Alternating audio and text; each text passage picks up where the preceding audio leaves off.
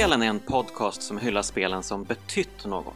Vare sig det handlar om banbrytande gameplay-innovationer, nya narrativa nivåer eller estetiska genombrott så har alla kulturella verk som avhandlas i podden öppnat upp nya filer på den ettor och nollor drivna autobahn vi kallar spelmediet.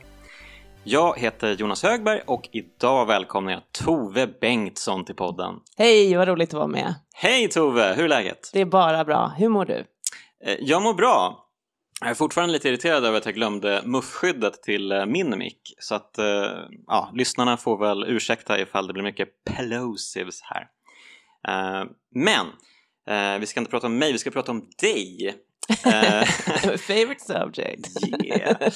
En gång i tiden så var ju du en av Spelsveriges mest eh, uppskattade och eh, uppmärksammade speljournalister. Ja, tack. Med uppdrag för Superplay, SVT och Svenska Dagbladet. Mm, just det. Men sedan ett par år tillbaka så jobbar ju du för spelutvecklaren och spelutgivaren MAG Interactive. Det stämmer. Med mobilspel. Precis, och då heter din arbetstitel Marketing Communications Ja, manager. Ja, men jag är kommunikatör på Mag Interactive. Man behöver inte vara så Nej, okej. fancy. Eh, ja, men bara lite snabbt ska vi reda ut hela din resa in i ehm, spelvärlden på Ja. professionell basis. Ja. Var började det hela?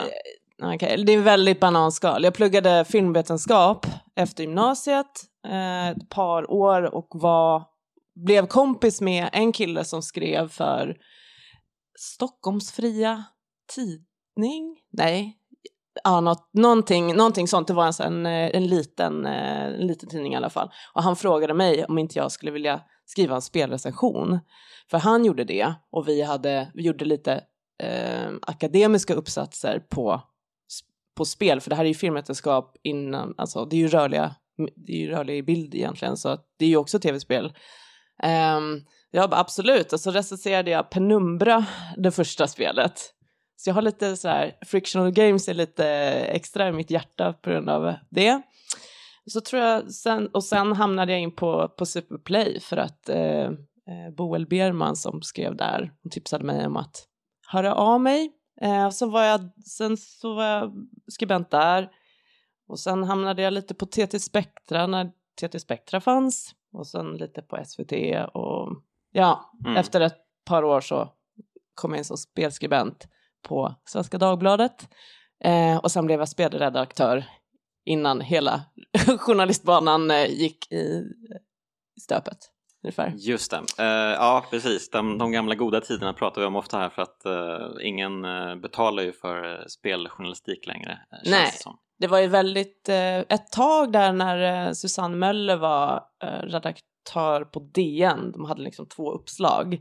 Det är ju verkligen den gamla goda tiden. Mm, mm. um, där det var ordentlig spelbevakning. Så det är ju väldigt deppigt att det inte är, är längre, kan man tycka. Ja, det kan man verkligen tycka. Ehm, precis. Men eh, nu så är du, nu har du joinat den mörka sidan. Ja, jag gick över till den mörka sidan efter SvD. Ja, Ja. men det känns bra. Ja, nej men det jag gör nu är roligt så det är Mm. fortfarande inom spel så. Just det, mobilspel. Ja, precis. Uh, Maggie är ju, ni känner säkert till eh, Russell och Quizkampen. Så att det är ord, Ah. ord och trivia framför Okej. allt. Mm. Men jag får ju prata av mig om sånt här, alltså, nördiga saker i min podcast Nördigt som jag har tillsammans med det gänget. Precis, Eh, hur länge har ni hållit på? Det är ju en evighet. Ehm, om man räknar med tiden med Radio Gamer när det var jag, Christian Hedlund och Peter Kjellin och Jonas Berglöf. Det, det, då är det över tio år. Det var ju 2009 kanske, 10 som jag, ja, jag är inte säker. Det Mm. roliga är att eh, Nördigt-lyssnarna vet ju bättre när jag kom med än vad jag gör. eh, och sen höll vi på med den, ett, det Radio Game är ju bara tv-spel och sen eh, så startade vi en ny podd som heter Nördigt 2012 tror jag. Så att, Mm. Snart jubileum eh. Ja, exakt.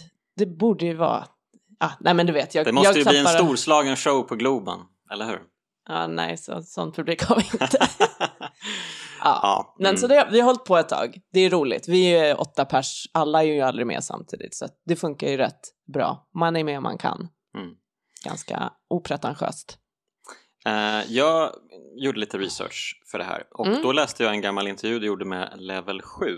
eh, Åh nej. där du, eh, nej, du berättade att du återupptäckte kärleken till spel när du låg hemma med lunginflammation och Ja. spelade. Final Fantasy 7. Mm. Eh, herregud, ja, det, det, det är en sån där eh, sak man inte eh, kan glömma bort. Alltså när man låg hemma sjuk som barn. Eh, jag hade lunginflammation två gånger när jag gick i högstadiet. Det var riktigt illa. Men en, den första gången det var verkligen så här. Jag spelade Final Fantasy 7 på eh, du vet en sån här tjock-tv med inbyggd VHS. Oj, en sån! Okej. Och så låg jag liksom på madrass och min pappa gick till jobbet och så jag märkte liksom inte att någon var borta. Och sen var de tillbaka bara klockan är tio på kvällen och jag bara legat eh, på en madrass och spelat Final Fantasy 7. Eh, ja, men det var ju det var en otrolig upplevelse. Så det, jag tror att jag har en koppling till det här spelet, dels på grund av den händelsen och dels på grund av hur storslaget det ändå var jämfört med allt annat som jag hade spelat innan. Um, Tekken 3 till exempel, ett, ett annat favoritspel jag har, men det är ju ett fightingspel med väldigt basic storytelling. Mm. Ehm, och sen, jag menar, vad spelade jag annars eh, samtidigt? Sims och Civilization tror jag. Mm. Eh, Sonic. Men det är ju en, det är en helt annan sak att ta steget in till rollspel. Ja, men verkligen. Men var det ditt första rollspel? Eh, det måste nog varit det. Eh, om man inte räknar med då typ Sims. Mm. Jag kan inte riktigt komma på att jag spelat något. Det var ju definitivt det första Final Fantasy jag spelade. Eh, Mm. och jag tror inte jag hade spelat några västerländska rollspel heller innan det. Eh, I alla fall inte så mycket att jag kan eh, komma ihåg eh, liksom, början till slut. Ja, så det stämmer, eh, det stämmer nog. Mm. Och eh, vi ska ju prata om Final Fantasy 7 idag då, i detalj, in detail. Um, och eh, man är ju alltid nyfiken. Ehm, det här var väl ett spel som på något sätt definierade hela spelmediet för dig antar jag, liksom, eller liksom... Ja, ja, eh, abs- absolut. Alltså på rent personligt plan så var det ju så här, det här är ju ett, eh, kunde man, kan man göra så här med spel? Ja, det är inte bara arkad eller man ska vinna över någon annan, det är inte, det här är ju något helt annat. Mm. Det här är ju som att läsa en riktigt, riktigt tung roman och det är som att läsa, okej spoiler för Harry Potter, men eh, liksom när Dumbledore dör i, och det är så, så jäkla Mm. eh, tungt och häftigt. Men jag menar, det var ju också, visste jag ju inte då, men i efterhand otroligt liksom eh, impactful för hela spelmediet generellt, inte bara personligt för mig. Mm. Men jag menar, det var väl en lanseringstitel till Playstation 1, ehm, om jag minns. Ja, jag är lite osäker på om det var la- lansering kanske, men, men det kom ju väl eh, väldigt tidigt i alla fall. Mm. Ehm, Ja, det var väl, det var väl eh, säkert massa sådana bundles med det. Mm. Det var ju grafiskt otroligt imponerande. mm. Sen eh, stod det ju också ut, bland alla andra Final Fantasy-spel så st- står det ju också ut fortfarande väldigt mycket. Mm. Det är ju inte så gullig fantasy med, det är inte steam, det här är ju liksom cyberpunk Mm, mer än vad det mm, är eh, steampunk. Precis. Det är ju, eh, ja men precis, det är ju en eh, ganska komplicerad historia också som det finns ju liksom hela Youtube videos som är liksom timmar långa där de Mm. försöker bena ut allting som händer och bara ja men har ni tänkt på det här och det här? Ja men verkligen, för den är, om jag inte har spelat det här på ett tag så bara, alltså var Cloud en klon eller inte? Och så börjar jag fundera på hur, Mm, hur var det? Då har jag inte spelat det många gånger. Det är ju det är väldigt många lager i eh, berättelsen. Du har liksom över, eh, övergripande temat om miljöförstörelse Mm. och sådär och den här liksom rebellgruppen som vill eh, slåss mot det stora företaget. Det är ju egentligen ganska enkelt men det är också väldigt lättillgänglig liksom underdog-historia. Mm. Men varenda karaktär har ju, nästan varenda karaktär eh, har ju en ark Mm. och en egen sidohistoria. Ja, det är, en, det är, precis, den är väldigt komplicerad, även Mm. idag komplicerad story. Ja, ja, precis. Och eh, för mig då, jag har ju spelat igenom det en gång. Eh, Det var ganska länge sedan. Ehm, Mm. Och, eh, När, när spelade du det? första gången? Ja, Eller det, det den var gången? nog faktiskt, jag var nog vuxen då så eh, då var det nog i början på 2000-talet tror jag. Um, Mm. Och det hade kanske inte samma impact på mig då. Nej. jag tror att man måste vara lite yngre för att få den där riktiga liksom, herregud vad är det som pågår? Men jag blev faktiskt väldigt imponerad av spelet. Mm. Um, framförallt eh, på grund av storyn och eh, Cloud, hjälten då och Mm. alla, de, alla de lager som han har och som Mm. man liksom skalar av långsamt genom spelet och eh, Precis. det, ja, men det, det är många saker som är ganska imponerande med det och det, det kommer vi ju definitivt komma in på. Jag tänkte vi skulle försöka eh, göra någon sorts eh, Alltså gå igenom spelet så gott vi kan helt enkelt från Mm, A mm. till Ö egentligen, från början till slut. Eh, och, eh, så får vi se hur mycket vi orkar och hur mycket vi hinner komma igenom och så. Mm. Men eh, det kanske blir enklast med ett sånt här spel tänker jag, att man försöker göra det lite mer kronologiskt. kanske. Absolut. Ehm, så ja, du var inne på det. det. Det handlar ju i början om den här eh, Avalanche, den här motståndsrörelsen mot det stora mäktiga megaföretaget Shinra Mm. och eh, deras kamp att rädda planeten. Mm. Ehm, för de vet ju att det Shinra håller på med är direkt skadligt. De håller på att pumpa upp den här makon, eh, den här energin, livsenergin Mm. från planeten och använder det som bränsle. Mm. Ehm, och det är ju, ja, det är ju, det är ju olja då, eh, kan man ju ganska Precis, lätt det, skulle, det kan man ju göra en referens till, förutom att eh, oljan har en själ, eller vad man ska säga. Det. Men det där i Mm. början, eh, när Barrett försöker få med Cloud och i den här gruppen Avalanche, Mm. då vet ju inte han om att Mako också är livestream. Just Han det. vet ju bara att Shinra förstörde hans hemstad Mm. genom att bygga den här reaktorn. Så han Just har det. ju också ett personligt hämnd eh, ark. Men det där vet man ju inte i början. Där är Mm. Nej. också en sån sak som kommer fram sen. Ja men precis, det är ju det som är så schysst när spel börjar in media res, alltså Mm. bara smack Rakt in i i mitten, handlingen. ja. Ja, Mm. exakt, det är ju underbart. Ja, den, Ehm, den har en fantastisk öppningsscen. mm. Den där är ju så efterapad sen också. Ja, just det. Mm. Det gjordes ju väl en, eh, alltså den här bilden på scenen är liksom Midgard, den här stan som är byggd i lager, du har de rika bor på den övre plattan och så de fattiga, de bor under, de ser inte ens solen, Mm. men de är ändå väldigt stolta över sin mark Mm. och hur de har det och sina butiker och allt det där i den där slummen. Eh, och sen har du de här åtta reaktorerna runt staden och så får man se den här bilden på hur det börjar. Och gud, jag får rysningar av att.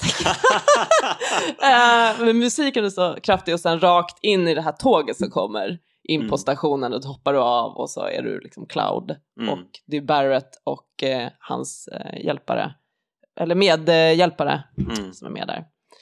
Ja, men det, Ja, är- det det är ju inte så läckert. lång, eh, den här, de- brukar alltid köra så himla långa mellansekvenser i början på de här eh, rollspelen men Mm. den, den är inte så lång i Final Fantasy 7, det är väl mest att man gör liksom en svepning genom staden, en sån här full motion video. Ja, precis. Nej, just det. Den börjar ju faktiskt med eh, Aeris som står och tittar in i ett fönster. Och Då, då får man ju också lite foreshadowing på att hon står och tittar på de här gröna, typ livestream-aktiga Mm. ehm, ljusen. Och sen får man se från henne den gatan och sen uppåt. Precis. Mm, ja, så det är ju som en jätteåkning, liksom, om man tänker kamera. Precis. i arbete. Och sen så kastas man rätt in i, eh, ja, man får ju styra Cloud ganska omgående sen då. Mm. Eh, och så tar man sig in i den här reaktorn och spränger den. Eh, Mm. Och man tänker att nu, nu är det bara uppåt som gäller här. Eh, Mm. Inget kan stoppa oss och sådär. Men det verkar ju som att uh, Shinra vet eh, en hel del om vad det är som pågår egentligen. Mm. Eh, och eh, efter att den här reaktorn har sprängts så eh, delas ju gruppen upp. Cloud springer iväg, träffar Ares. Ehm, och, Så hon eh, är, hon är en blomsterflicka i rosa kläder som senare har en jättebetydelsefull roll ju. Ja, precis. Ehm, och ehm, precis. Och eh, ja, jag minns inte exakt vad det är som händer i början av spelet.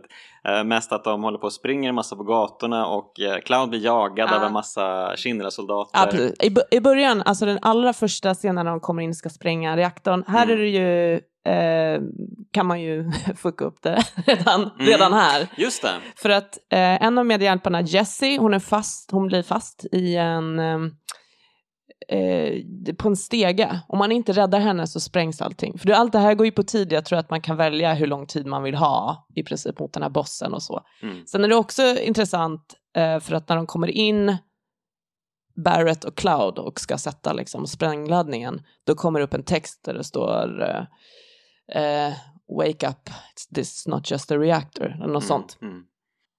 Eh, den andra reaktorn har ju han också någon typ av hallucination. Och det är också foreshadowing till Mm. vad som händer med honom sen. Men man fattar ju ingenting här i början. Nej, det.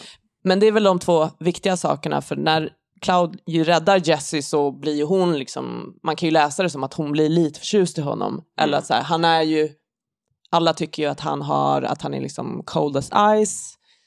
Eh, för han säger ju bara att han, han, han var used to be a soldier och där jag gör bara det här för pengarna. Mm. Och mm. hon är den enda som tror att men du räddade ju mig. Så Mm. du har ju ändå, du har ju ett gott hjärta där egentligen, Just där inne.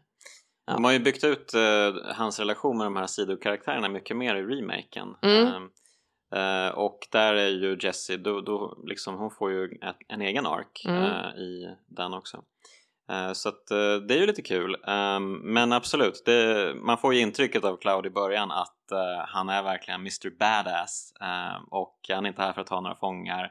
Men, han vill bara ha pengar. men Ja. precis, och sen så liksom kommer liksom sådana här små saker som ändå gör att man tänker att ja, men han har ju ett hjärta av guld egentligen va, Ja, en eller- härlig liten kille. Precis, han är ju, ja, han, han har lite, lite saker för sig. För Tifa sen som de träffar, Mm. Hon lyckas ju ändå övertala honom och så här, men du lovade ju att, eh, för de är ju barndomskompisar, Mm.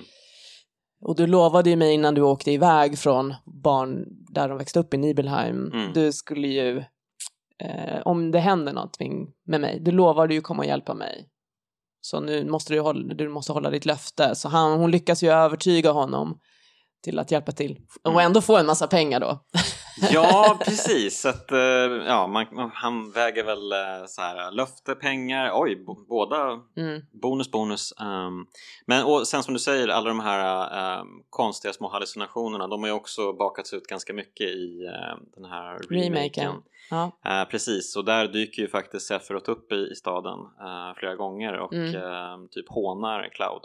Här är det ju mer liksom eh, meningar och ord och sådär. Jag har ju inte, jag har faktiskt inte spelat remaken för jag fick ju sån eh, panik över att det kommit en remake. Jag kan inte hantera det här, det här är mitt favoritspel, hur ska Mhm. det liksom, ja, men jag ska spela det. Eh, för- för en, apropå just det där, en av sakerna som jag verkligen tycker om är ju hur de bygger upp Sephiroth som Mm. skurk. Han är ju bara, pratas bara om honom och man får se hemska saker som han har gjort. Man får liksom gå i hans fotspår in the wake. Mm. Och sen tar det väldigt lång tid innan man faktiskt får träffa honom. Eh, Men vi kan, vi kan komma till eh, hela Sephiroth, eh, det är kapitel känns Oj, ja, det finns mycket att prata om honom också, absolut. Ehm, men ja, ham- de hamnar ju till slut då, eller han, de sammanförs ju, Cloud hoppar ju ner i någon uh, tunnelbanevagn eller någonting, det går ju tåg genom hela Shinra där resten av gänget uh, står samlade. Mm. Eh, och jag tänkte på det när, när jag såg det att eh, alla bara liksom utropar, de har ju liksom gått och varit oroliga för Cloud. Eh, Mm. Oj, han, han försvann bara, vad hände med Mm. honom? Och sen så hoppar han in i tunnelbanevagnen på så här heroiskt manér och Ja. alla utropar samtidigt Cloud i, sin, i sina egna pratbubblor. Ja. Det var ett sånt jävla snyggt eh, sätt att accentuera eh, liksom situationen. Mm. Att eh, man kör upp dem, eller de Ja, jobbar ofta med just pratbubblor i det här spelet på ganska Mm. intressanta sätt. Det Mm. kan vi också återkomma till. Ja, det är verkligen så himla sant. För Mm. vissa som är, när de är vita outline och så helt mätt, mättad blå bakgrund, då är det ju folk som faktiskt pratar. Mm. Och sen har du genomskinliga pratbubblor, då är det någonting annat. Och sen har du text som bara är på eh, utan någon pratbubbla, då får man tänka kanske, då är det mer någon hör det här i huvudet. Mm. Ja, ja men det är, det är verkligen en jättebra observation. Mm. Eh, Det, Mm, ja, men det, det är kul. De, de gör mycket liksom med eh, formgivningen och liksom Mm. den grafiska presentationen som eh, jag gillar med spelet. Verkligen. Ehm, men, och sen så då till slut så efter en del om och men antar jag så kommer vi ner till den här underbellen av stan där Mm. eh, Tifa har försvunnit, eh, Cloud och liksom guidad av Ares efter den, eh, det är väl efter den andra reaktorn tror jag. Ja, precis. Först åker de ju genom det här tåget och de berättar liksom hur Midgar är uppbyggt. Eller Jesse står och berättar det för Cloud och så. Hur att allting åker, du måste åka igenom identifikationskontroller Mm, för att ta det upp och ner och de har ju liksom fake IDs Mm. såklart för att de är ju shady people. Just. Mm. Eh, precis, sen kommer de ner, sen kommer de till Tifas bar och hon är, hon är ju där med Marlene som är Barretts dotter. Mm. Eller ja, hon är ju inte hans dotter men ja. More shall be revealed Eh, later. Precis, men det, hon har tagit hand om baren och eh, dottern och så har de väl en recap på så, här gick, så här gick uppdraget och så ser de på tv den här explosionen och eh, Barrett är rätt intressant för han, eh, han är ju ganska hetsig mot Cloud och tycker att han borde ju vara med på hans eh, egen idé om eh, men vi gör ju det här för planeten och Shinra, they're bad Mm. people och det, du ska inte, du, du kommer här och det vi bara gör här för pengar. Han är jättearg på Cloud att Mm, han mm. är bara med som mercenary. Ehm, och han återigen liksom vill ju rättfärdiga sitt, sina egna, eh, sitt agerande. För sen, jag vet inte om det riktigt kommer fram där eller om det kommer fram senare, men det är ju jättemånga som dör, alltså oskyldiga människor som Mm, dör i de mm, här mm. eh, explosionerna, men han, han kan liksom inte, han måste tänka att det ändamålet helgar medlen ungefär. Just det. Precis, och sen ska de då spränga nästa reaktor. Det är då som Tifa övertalar Cloud att följa med. Och då, eh, då när de är där i den reaktorn, eh, det är ju då som Shinra kommer och eh, attackerar dem, för de har ju haft koll på dem hela tiden. Och då sprängs i, den bron och Cloud ramlar ner i den här kyrkan, Just det. i taket. Fan vilken koll du har, bra. Jag har spelat det många gånger. Eh, ja men precis, och då, Då träffar han eh, Aerys. Då träffar han ju Aerys. Och, För han har, ju, han har ju sabbat hennes blommor som hon tar hand om i kyrkan. precis, det är en väldigt fin bild när liksom Mm. ljuset strålar ner på eh, de här blommorna. Mm. han har ju kraschat ner genom taket Ja. eller genom ett kristalltak kanske. Nej men det är, ett, det är ett tak. Det är ett tak, okej. Jag, jag kollade det här igår. Ja, jag tror det, jag tror det. Eh, ja men eh, Ja. väldigt vackert. Och sen så dyker ju, det är väl första encounter med Turks som Mm. kommer sen. Älskar Turks. Alltså jag har inte riktigt, jag fattar inte riktigt deras grej. De är någon sorts eh, liksom eh, enforcers eller vad, vad är det De är ju, det är liksom, eh, vad ska man säga att deras arbetsbeskrivningar, de är, eh, de samlar in, intelligence, de är spioner, de är assassins. De är liksom hela, De är allt de är allt. Ja, De- okej. så de är ju inte, de är ju inte, vad ska man säga, de är inte de starka vanliga soldaterna. mm. Det här är ju de som övervakar och de har, alla har ju speciella färdigheter. Typ SS helt enkelt. Ja, det kan man, det är väl en jättebra Mm. Okej, ja men de går ju omkring i svart hela bunten. Så att, Ja. ja. ja, förutom Scarlett då som har sin... Men hon är inte Turks. Nej, hon är inte Turk. Nej. Det, det ser, det, jag har dålig koll på allting märks det. Eh, Det, det tror jag inte, men Äh. eh, precis då, då kommer, vad heter han nu då? Det är han som har eh, säng, tror jag. Mm, eh, för han dör ju Mm. sen, men han, eh, det är nog han, för att han har ju koll på Aeris, för att, och han har haft, han har övervakat henne länge, men Mm. verkar också bry sig lite om henne. Eh, så för att, för att undfly honom och eh, Turks och Shinra så, så klättrar de upp, Cloud och Ares klättrar upp genom taket och sen springer, eh, ja, de flyr hem till hennes hus Mm. Som ligger i slummen där i 605. Just det, precis. Ehm, och eh, därifrån sen så beger de sig ehm, genom en jättefin liten eh, lekpark som jag alltid blir lika glad när jag ser. Mm. Eh, den är så härligt återgiven. Det ser lite ut som eh, en lekpark i liksom Fallout 3 eller något sånt där. Den Ja, verk, liksom verkligen. helt- Den är väldigt fallout. Ja. Liksom, den, är, den är fin, men den är uppenbarligen väldigt älskad lekpark. Mm. Men det är ju liksom rough, för att det, var ingen Mm. sol här. Men Mm. det är också, den lekparken älskar den. ehm, men Aeris hus Mm. är också sådär otroligt, för att det finns ju inga blommor någonstans, det finns ingen växtlighet, för det finns ju ingen sol. Mm. Men här, dels i kyrkan där hon och jag tar hand om blommorna, och sen runt hennes hus, huset är jättevackert, det är som, jag vet inte, det, det är ju som att du, det är inte i Midgard i alla fall. Ett Astrid Lindgren-hus. typ. Ja, exakt. Och sen har du blomster, eh, en hel äng. Mm. Och det finns, det finns ju någon typ av magiskt ljus där. Så man borde ju, det, det sätter ju henne, eh, isär från allt annat redan väldigt tidigt. Det är Mm. ju som att hennes, för att hon är där, Mm.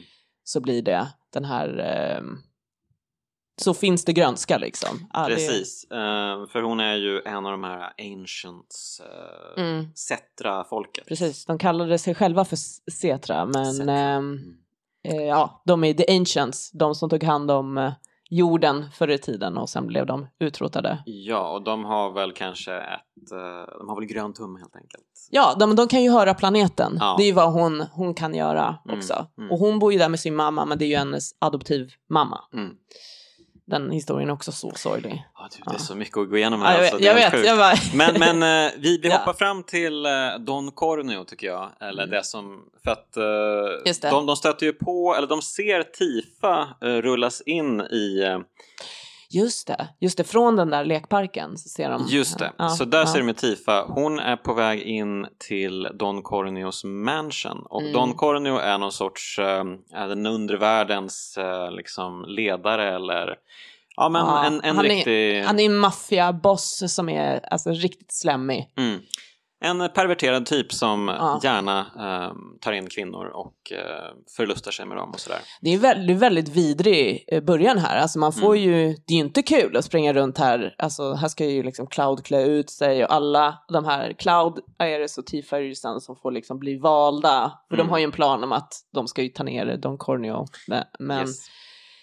Det är ganska, det här är ju ett rough ställe och det är ganska brutalt. Det är ganska bra men samtidigt är det, är, det ju, är det ju humor också. Eh, eller Mm. de, i alla fall tycker ju eh, japanerna att det är humor med crossdressing. Det är ju helt uppenbart. Ja, den precis. Ja, den precis. Det ska ju vara humoristiskt. Men Mm. om man tänker, det är ju väldigt mörkt. Mm. Du, du har en bordell liksom. Du Mm. har, ja, det är väldigt liksom sorgliga figurer i den här, just den här delen. Ja, en annan sak jag tänkte på, ehm, för att eh, jag har ju inte spelat igenom hela spelet då, för det, det hann jag faktiskt inte, så att det, Mm. det har blivit mycket Let's Plays för mig.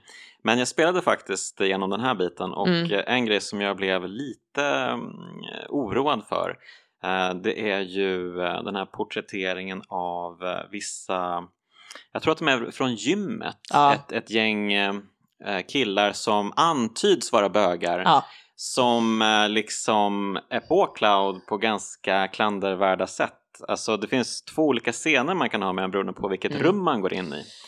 Så ja det är ju på bordellen. Men, Ja, men de i gymmet, det är, det är helt klart tydligt att de ska vara homosexuella. mm, Ja, nej, det är väldigt... Eh, det är, saker har inte heller åldrats jättebra här. Nej. Men, men det är... Ja, det är väldigt ofräscht. Ja, alltså det antyds ju i en av de här scenerna att den här eh, killen Åh, ska jag bara snabbt kolla upp vad han heter? Nej, jag kommer ihåg det i badkaret att typ han, han förgriper sig på honom i princip. Ja, precis. Ja. Han heter Mucky. Ja. Ehm, killen som pratar med Cloud och som är liksom, vad ska man säga, bögledaren liksom för de här killarna. De, eh, dels så kan man göra en scen i bastun eller i den här Mm. liksom runda badkaret med dem. Mm. Och då lättar kameran från marken så man bara ser toppen på deras huvuden typ. Och sen Mm. så är det liksom oroande pratbubblor där det liksom framgår att de tafsar på honom och lite allt möjligt sånt. Och han Mm. känner ju bara, han, vill härifrån. Och sen finns det en annan scen där Cloud eh, liksom svimmar. Han får någon sorts uh, Just det. Sephiroth-vision eller Just någonting det, kanske. ja och sen så vaknar han upp på en säng med Mm. Mucke ovanpå sig. Mm. Och då antyds det ju att han kanske till och med blivit våldtagen. Så att Mm. eh, det är ju jättekonstiga saker som händer här. Mm, verkligen. Ehm, och det känns ju... Det här är väl en av de sakerna som jag faktiskt tycker är ganska intressant med spelet. Det här Mm. att de, de, eh, de tar sig verkligen an alla möjliga ämnen. De gör det Mm. inte alltid bra. Nej, Men de... Det har så många olika saker Final Fantasy 7. ja, verkligen. Det, det är så otroligt eh, märkligt på många sätt. Det är väldigt, väldigt märkligt spel att spela om så här liksom. Ja, ja, jag håller med. Och det, den, det är intressant att det är, de här sakerna är med och du har, det är inte liksom en, eh, det här är Heroes Journey, jag vet inte vad, man, man kanske kan jämföra med Final Fantasy 9. Det är ju, det är så, de är så långt ifrån varandra som det nästan bara går. Mm. Här det, det är mycket skit och det är som att de vill att det var en nagel i ögat många gånger. Don Mm. Corneo-scenen är ju också sådär, Mm. nej, han är jätteäcklig. Mm.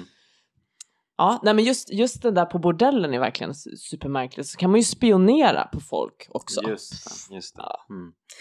Ja, men man får ju någon sorts uh, hämnd på saker och Corneo, ting. ja. Eh, precis. Uh, det finns ju en härlig scen när alla, när Cloud kastar av sig sin eh, klänning Mm. och alla hotar på olika sätt att knip, knipsa av Don Corneos eh, kulor. Eh, mycket roligt, mycket bra. Ja, absolut. Fast han, eh, de får ju inte totala hämnden för han eh, kastar ju dem i någon eh, fallucka. Mm. Men han, man kan ju hämnas på honom sen i Han dyker upp senare i spelet också. Eh, precis. Och Mm. sen tar de sig igenom de här, eh, ja, sewers hamnar de i tror jag. Och så Mm. kommer de upp i, eh, på tågkyrkogården som är tillbaka i sektor 7. Just det. Eh, och där får man läsa något pussel. Och sen är vi tillbaka till eh, nästan till Tifas bar, men där så, eh, så är det ju um, shootout i det här, det är den här, eh, Just det, de, de Eh. springer upp för den här... eh, det, är, det är en trappa runt den här pelaren. mm. För alla eh, de här plattorna högst upp, de, de hålls ju uppe av pelare. Mm. Ehm, och nu verkar det vara liksom gunfights i, uppe på pelaren. Så då, eh, då splittar de ju partyt och eh, säger typ, ja men Iris du, gå, gå och eh, informera alla. Jag tror, jag tror att det är, eh, precis, det är Cloud och de här andra jävlarna som, som är där Mm. och slåss. Precis, Precis. Och, då, och då blir ju Cla- eller Ares blir kidnappad här av eh, turkarna. Mm. Säger man turkarna? Säger man turks? Vad, hur ska man översätta dem? Turks är väl tydligare för du förstår vad Ja, var. ja, turks precis. Ja. Ehm, ja. Ja, precis. De, de plockar henne och eh, man kan ju tycka att det är lite märkligt. De har ju känt till henne sen, sen Hedenhös. Men de har aldrig liksom plockat in henne till Shinra Headquarters tidigare. Ja, precis. Det är lite... eh, men hon har ju också lite hållit sig för sig själv. Så Mm. hans säng har väl kanske tänkt att eh, om- förr eller senare kommer jag kunna övertyga henne om att hjälpa oss. Mm. Men nu är hon plötsligt en del av den här rebellgruppen Mm. som också hotar Shinra. Så det kanske, Så, är, det kanske ja. är det. Så kan det vara. Så kan det vara. Ehm, ja, hur som helst. De, eh, hela gruppen, Avalanche och eh, Cloud och dem, de, eh, de dyker väl upp hos Ares mamma igen. För Ja, för de spränger ju plattan här. Turks, man får ju slåss mot Turks. Det. Tifa, Barrett, Cloud slåss mot Turks och samtidigt så har, ja, hela Jesse, Wedge och Biggs, eh, de har ju liksom skjutit, mm, så Mm. de ligger ju och dör på den här mm, trappan. Ja, de, Turks spränger den här plattan och sen är ju planen från Shinra att de ska skylla allting på Avalanche. Så de åker ju i värsta coola actionscenen så Mm. flyger de ut ur, eh, ja, ur sektor 7 mm. och eh, hamnar i vad, sektor 6 och sen går de till Iris eh, Ja, mamma tror jag. och här, här finns det en jättefin Flashback-scen. Ehm, Gud, ja det är så fint. Jag Mm. älskar dels hur de introducerar scenen för att Mm. de pratar ju med Aris adoptivmamma och hon Mm. berättar då hur hon eh, hittade Aris Mm. en gång i tiden och eh, de, gör, de gör det här väldigt många Flashback-scener men eh, man är ju inne i deras hus och Mm. eh, då ser man ju den här scenen lite som ett dockhus. Alltså det är ju svart runt om och så ser man hela rummet så. Och sen så går ju kameran upp i taket eller upp i svart då liksom.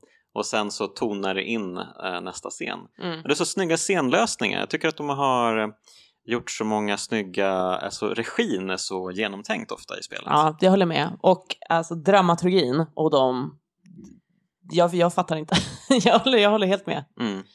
Och det är en jättefin scen på tågstationen där hennes riktiga mamma dyker upp eh, med Aris och Mm. eh, hon eh, dör De är ju väl- döende tror jag. Ja, precis. Hon dör väl kanske då i eh, adoptivmammans armar. Ja, jag kommer inte ihåg vad hon heter nu men... Jag kommer inte ihåg vad hon he- heter heller. mm. Ja, och medan adoptivmamman har suttit och väntat på sin eh, man ska komma tillbaka från kriget men hon inser att han är död. Liksom. Mm. Han kommer inte tillbaka. Men hon får en dotter istället, Mm. en ad- adoptivdotter i Aris. Eh, ja, jättefint. Eh, Mm. och de beslutar väl lite där också att de ska låta Barretts eh, adoptivdotter vara kvar hos den här adoptivmamman. Oj, vad komplicerat det blir Ja, jag vet. Ja, jag vet. Men Barrett Marlene, Ja. att, ja precis, jag tror att om det är då eller om det är lite senare, men hon, ja, hon ska ju ta hand om henne för att Barrett är rädd för att, eh, liksom. Mm. Ja, de har en diskussion här och eh, adoptivmamman och säger ju till Barrett att hur kan du göra så här Mm. mot ditt barn? Mm. Liksom. Du är så oansvarig. Och Mm. Barrett bara, jag vet, jag är fruktansvärd, men jag måste göra det här. Mm. Så han är ju plå- han är väldigt plågad. Mm. Ehm, precis. Så att de, eh, precis, de löser den så att hon tar hand om Marlene.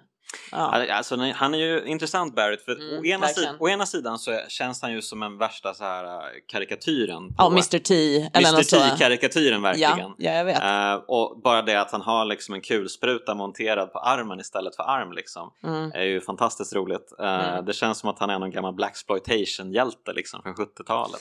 Ja, exakt. Men eh, å andra sidan så har han ju ett mycket mer djup än man Mm. tror. Men han har ju mycket den attityden. Ja. Eh, jag kan så här, eh, nu är det ju spelet så pass, nu är det 25 år gammalt typ nästan. Jag kan ändå uppskatta att de gjorde, att de tog med honom. Mm. För att han ger ju väldigt mycket till spel. Det finns ju, ha, det finns ju all, han är ju alltid där för att och Mm. argumentera mot Cloud. Just det. Nästan alla andra gör som Cloud säger, men Barrett bråkar med honom hela tiden. Det Mm. behöver vara en sån eh, figur med. Mm. Mm. Jag, jag älskar Barrett, men eh, ja, han har, det är ny, på sätt och vis inte åldrats. Men, men, eh, men, ja, men samtidigt, jag gillar, att, jag gillar också det här med karaktärerna för att de är så, många av karaktärerna, i princip alla nästan, eh, som man har i sitt party i alla fall, Mm. eh, de är ju så eh, de är verkligen inte, de har inte liksom the moral high ground alltid utan de, de är ofta väldigt eh, så komplicerade, lite mörka, de har Absolut. lite... De har en egen agenda, de Mm. har eh, sina egna problematiska grejer för sig. Ja, det är Yes. verkligen ingen som är liksom fullt god eller fullt ond. Menar, Kate som ju dyker upp eh, är ju en spion, Shinra-spion. Det är ju Reeves som styr Kate Mm. Och Jaff är ju bara med för att sno folks materia. ja, Eh, ja, Sid är ju, alltså jag tycker Sid är supercool. ja, Men han är också ett as. Han är han är så as. jävla oskön. vi kommer till honom. Han ska få sina fiskar varma helt klart. Eh, men uh, ja, Ja, det här kommer ju ta en evighet om vi ska hålla den här takten. Vi kanske får gå Vi får till... kanske, men, men hela Midgard är ju ändå så viktig. Vi kan, ju, vi kan ju ta den lite Absolut. detaljerat ändå. Men, men de eh, beslutar sig för att anfalla Shinra Headquarters i alla fall. ja, de klättrar upp på plattan Mm. för att rädda Iris. Ja. Yes, och, eh, och inne i Shinra, eh, deras eh, höghus, Mm. det finns ju jättemycket att göra där också. Det känns ju som en egen värld nästan. Absolut. Man, får ju, man kan ju antingen anfalla rakt på och gå rakt in eller så kan du gå åt sidogången. Men vill man hitta alla items så måste man båd, göra båda. Typ gå igen, alltså för att Mm. trapporna om man går på sidan, det är jättetrist. Det är bara så här mm, 15 000 mm, trappor. Fade to black, trappa, fade to black. Men det finns några liksom lådor som man missar om man inte går... Sneaky Square, okej. Det är allt, men det är, det är så med det här spelet, man måste kolla alla rum, man måste prata med alla människor, för Mm. det kan finnas någonting som man missar. Ja, det är, ju, Ja. det är ju enormt och så alla... Man måste liksom lösa ett pussel på en nivå för att komma till nästa för att hitta ett Mm. keycard. Mm. Uh, ganska kluriga pussel också. Ja, man är uppe i ventilationstrummorna och stirrar ner på eh, Shinra-presidenten och har ett möte där. Och, man, Just det. man stöter Mm. på Mm. Red 13 första gången eh, i Precis, labbet. när man kommer till labbet ja. Mm. Eh, då, jag undrar om det måste vara efter man hittar hela behållaren med Genova för Just första gången. Mm. Det, det tyckte jag var läskigt på riktigt. Ja, men det, det, är ju, det är väl en full motion videoscen? Va? Ja, när man får när man se... ser hennes... Eh, det, det, det är det här huvudet egentligen och Mm. eh, det här pannbandet och så har du ett lysande rött öga. Alltså det man ser ju att det här är ju, det är nog Cthulhu-skit egentligen. Verkligen, verkligen. Ja. Eh, vä- väldigt obehagligt och sen går man upp och så, rädd, så hittar du Eris och träffar Red 13 för de har Hojo och har den här professorn han försöker göra några experiment med de två och Mm. få dem att para sig för de är de sista av sin ras liksom. Mm. Men de räddar båda två och sen eh, blir de ju fängslade men mitt i natten så öppnas alla dörrarna och sen är det liksom blod överallt. Det här är så bra. Mm, det här är så, mm. det här, nu blev det ju plö- plötsligt skräck liksom. ja. Och så får man gå tillbaka och så hittar man det här spåret från Genova som är tomt. Mm. Och det är liksom blodspår överallt. Mm. Ja, det, det, det är så coolt. Och sen hittar man ju, allting är ju tyst i princip och sen hittar man ju Shinra-presidenten med liksom eh, sp- Sephiroths enorma svärd in, det. eh, Mm. på sitt skrivbord. Ja, och hans eh, underordnade dyker väl upp eh, där och säger att han har sett allting och bara, det var Sephiroth just som gjorde det. det. Just Mm. det. Eh, Ja, och, det är- och alla bara what? Är Sephiroth här? Och alltså alla känner ju till Sephiroth för att han är ju Ah. någon sorts krigshjälte som varit någon sorts posterboy för militären liksom. Ja, precis. Men som, jag tror att de har en konversation där de pratar lite mer om vad vet vi om Sephiroth och varför har han gjort det här? Is he one of the good guys? Det precis, så- det här tyckte jag eh, jag blir ofta lite irriterad på dialogen i Final Fantasy 7. Eh, Men jag Det tror att det är ju- lite översättningsproblematik där. Absolut, det, mycket är ju översättningens fel. Jag har förstått Mm. det att PC-versionen har mycket bättre översättning. Eh, Mm. Men jag har ju spelat eh, PS-versionen då. Mm. Ja, jag har aldrig spelat PC-versionen heller. Vad Nej. konstigt. Eller vad, det är ju spännande.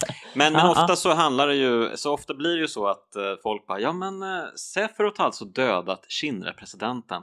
Men han kanske är på vår sida, vilket man ju tänker såklart. Mm. Eh, ja men en gammal krigshjälte som kommer tillbaka. Och då träder Cloud in och säger, nej, jag vet att det inte är så. Ja. Fastän han inte har alla sina minnen riktigt. Han är ju liksom lite scrambled i huvudet. ja, men han vet ju vad som hände för fem år sedan i Mm. Nibelheim. Mm. Han, alltså, även om han inte säger sanningen så Mm. är det ändå hans minnen ju. Alltså, Ja. more or less så har han ju rätt. Och Tifa kan ju backa upp honom där. Ja, absolut. Men eh, ofta så blir det så att eh, Cloud liksom, ja men nu måste jag förklara handlingen för er, så här ligger det till. Har ni hängt med nu hela vägen? Och det är liksom, eh, ja men det är liksom så här med två, Ja. tre timmars mellanrum så är det liksom, börjar man klia sig i huvudet och då kommer Cloud, ja men så här ligger det till, jag väntar bara. Och han är ju, det är ju Ja. roligt för att han är ju en opolitlig berättare. Verkligen. Eh, han, han har ju liksom inte koll på läget egentligen. För han, Nej. hans huvud är ju liksom bara värsta labyrinten av skit som har hänt. Liksom. Mm. Och Shinra har ju experimenterat skiten ur honom verkligen. Mm. Eh, så att det är ju roligt för man, då får man ju se flashbacks som inte är verkliga flashbacks. eh, men som har vissa... Vissa element är liksom, liksom rätt. mm. Jätte... Ja, vi kan komma in på cloud som en egen grej alltså. Ja men det ska vi absolut göra. Ja. Men, men de, de flyr då Shinra Headquarters. Ja, Cloud de träffar en... ju hans, eh, Shinras eh, son också, Rufus Shinra, som ju tar över efter president Precis, och Shinra. han har ju en episk fight med Cloud då. Är samtidigt cool. som resten av gänget flyr. ja. Så det här blir också en kul, eh, precis som i... eh, Split i, party. Ja. Ja, men förlåt, det, blir, det blir lite som i film, du vet när man Mm. försöker, man har en cool situation, man har en annan, Annan cool, cool situation. situation. Då, Kloss- följer, då följer man den ena coola situationen en stund, sen kommer man tillbaka till början av den andra coola situationen fastän man borde vara långt in i den. Ja, Så men det är man- liksom, man, de, det är tydligt att det här händer samtidigt. Ja, ehm, att, och, eh, och precis, mm. och det, det blir ju ganska, ganska snyggt faktiskt. Och, Ja, eh, apropå vad du sa med regin och, ja, alltså det är verkligen, det är, det är klippning om man kan jämföra med det. Mm. ja, men, ja men faktiskt, Mm. faktiskt. Ja, det, är, Ehm, det är grymt, jag älskar den här hela Shinra, det är ju sånt klimax på, det här är ju ändå bara i prologen. mm, För att mm, den här, om man, om man segar, så tar det kanske åtta timmar att spela det här. mm, Men fem, sex kanske. Allt i Midgar som vi har pratat om. Eh, så det blir sånt klimax med den här fighten med, med Rufus. Och sen när eh, Cloud sen flyr med eh, på motorcykeln där. Mm, Den är ju mm. den är också jäkla ikonisk. Och resten, för där är det också full, eh, det är inte fultredjen som de har. i- Det var ju två studios som hade, eh, som gjorde de här cinematiska scenerna. En Mm. där de är, ser lite mer mänskliga ut, liksom Mm. långa. Mm, Och en där de i princip är lika blockig som de är mm. de här 3D-modellerna som man springer runt med. Just det. Mm. Det är också stor, alltså när du har bara strider, det är ju Så- så samma det, det är sak. liksom Snyggstudion som gör den här scenen. Exakt, nu är det Snyggstudion, Mm. så att, eh, det är ju riktigt, eh, det är riktigt fet. Och jag reagerade också på att det, det var så coolt eh, när de hoppade in, för resten av gänget hoppade in i en, en eh, det ser ut som en leksaksbil nästan. Ja. Den är så liten. När man, speciellt när man jämför med Barrett som hoppar upp där bak på flaket. Han ser ju ut som en jävla jätte alltså. Otroligt. Så att eh, det är liksom en liten kontrast till hur ball Cloud ser ut på motorcykeln. Ja. Så kommer resten av gänget på den här dockbilen. Liksom. Ja, jag vet. Det var precis. Det är som att de satte den i en tramsig bil så att han skulle se extra cool ut. Ja, men jag tror det. Ja. Ja, ja. men eh, precis. Och den här motorcykeljakten är ju svincool. Eh, det känns ju Mm. nästan lite så här Akira-influerat. Eh, så Ja, japansk faktiskt. anime liksom. Ja. Ja, men det, det, det, Akira har säkert varit eh, en stor influens i det här Mm. spelet generellt. Mm. Ja, Absolut, det tror Bra, jag. det har jag inte tänkt på förut faktiskt. Eh, Men de Ja. lyckas ju undkomma det och eh, det är ju, man, man blir ju nästan lite så här överväldigad när man står utanför eh, Midgar på världskartan. Ja, det är ju helt, man bara va? I det här hela så kan man ju trycka upp för att göra kartan extra stor så Mm, ser man liksom mm. alla pluppar man kan gå till. Yes. Det kändes ju helt enormt. Mm. Ganska läckert också när man går ifrån Midgar, för där det är ju så mörkt. Spelet generellt är ju rätt så mörkt. Eh, men det är ju så mycket gifter och avgaser, så när du kommer en bit ifrån Midgar så blir det ljust. Mm. Så runt, runt Midgar så är allting liksom så polluted, Mm. Så allting är sånt mörker. Precis. Det är coolt. Ja, men det, det är en häftig upplevelse verkligen. Och sen så Mm. kommer man in i en liten by och, Man kommer till Kalm. Ja. och, och då är det dags för Cloud att förklara saker igen. Hur hänger ni med då? Ja. Och då, men, men den här, eh, det här är ju coolt, för då pratar vi om, eh, ja men vad, vem är Sephiroth? Och Mm. då berättar han, okej, det här hände för fem år sedan. Han kom tillbaka till Nibelheim efter att ha joinat Soldier och Mm. eh, de hade ett mission att kolla den här reaktorn i Nibelheim, alltså barn, där han växte upp tillsammans med Tifa. Yes. Och eh, Sephiroth får ju liksom ett eh, ryck, eller vad ska jag säga. Han, han eh, börjar ju inse att det är inte, allting inte som eh, han tror och han blir, hamnar i någon slags psykos och Mm. inser att han är liksom en, eh, han, han är skapad genom, han är inte en riktig eh, Mm. En Eh, riktig människa. Nej, eller vad man ska säga. Han har ju blivit... eh, Ja, han har blivit skapad i ett labb un- ungefär. Ja, ehm, det är ju det är en väldigt kul flashback för man kan ju spela den. Man får ju kontroll över, eh, över Cloud Ah, i flashbacken. eh, precis. vilket också är ett kul grepp.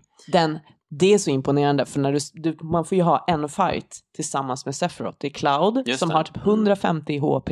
Mm, Eh, Sephiroth som har typ 3500 i HP. mm, Han är så enormt mäktig mm. att det känns så här, men om han var så här mäktig då, hur mäktig är inte han nu? Just det. Det, det sätter de verkligen dem mot varandra. För då ska man ju liksom tänka på, just det, och han levlar ju upp hela tiden. Det är ju Exakt. ett rollspel. Ja men shit, han har ju typ 50 000 nu. Man bara liksom mind blown eller något sånt där. Ja, det är läckert. Mm.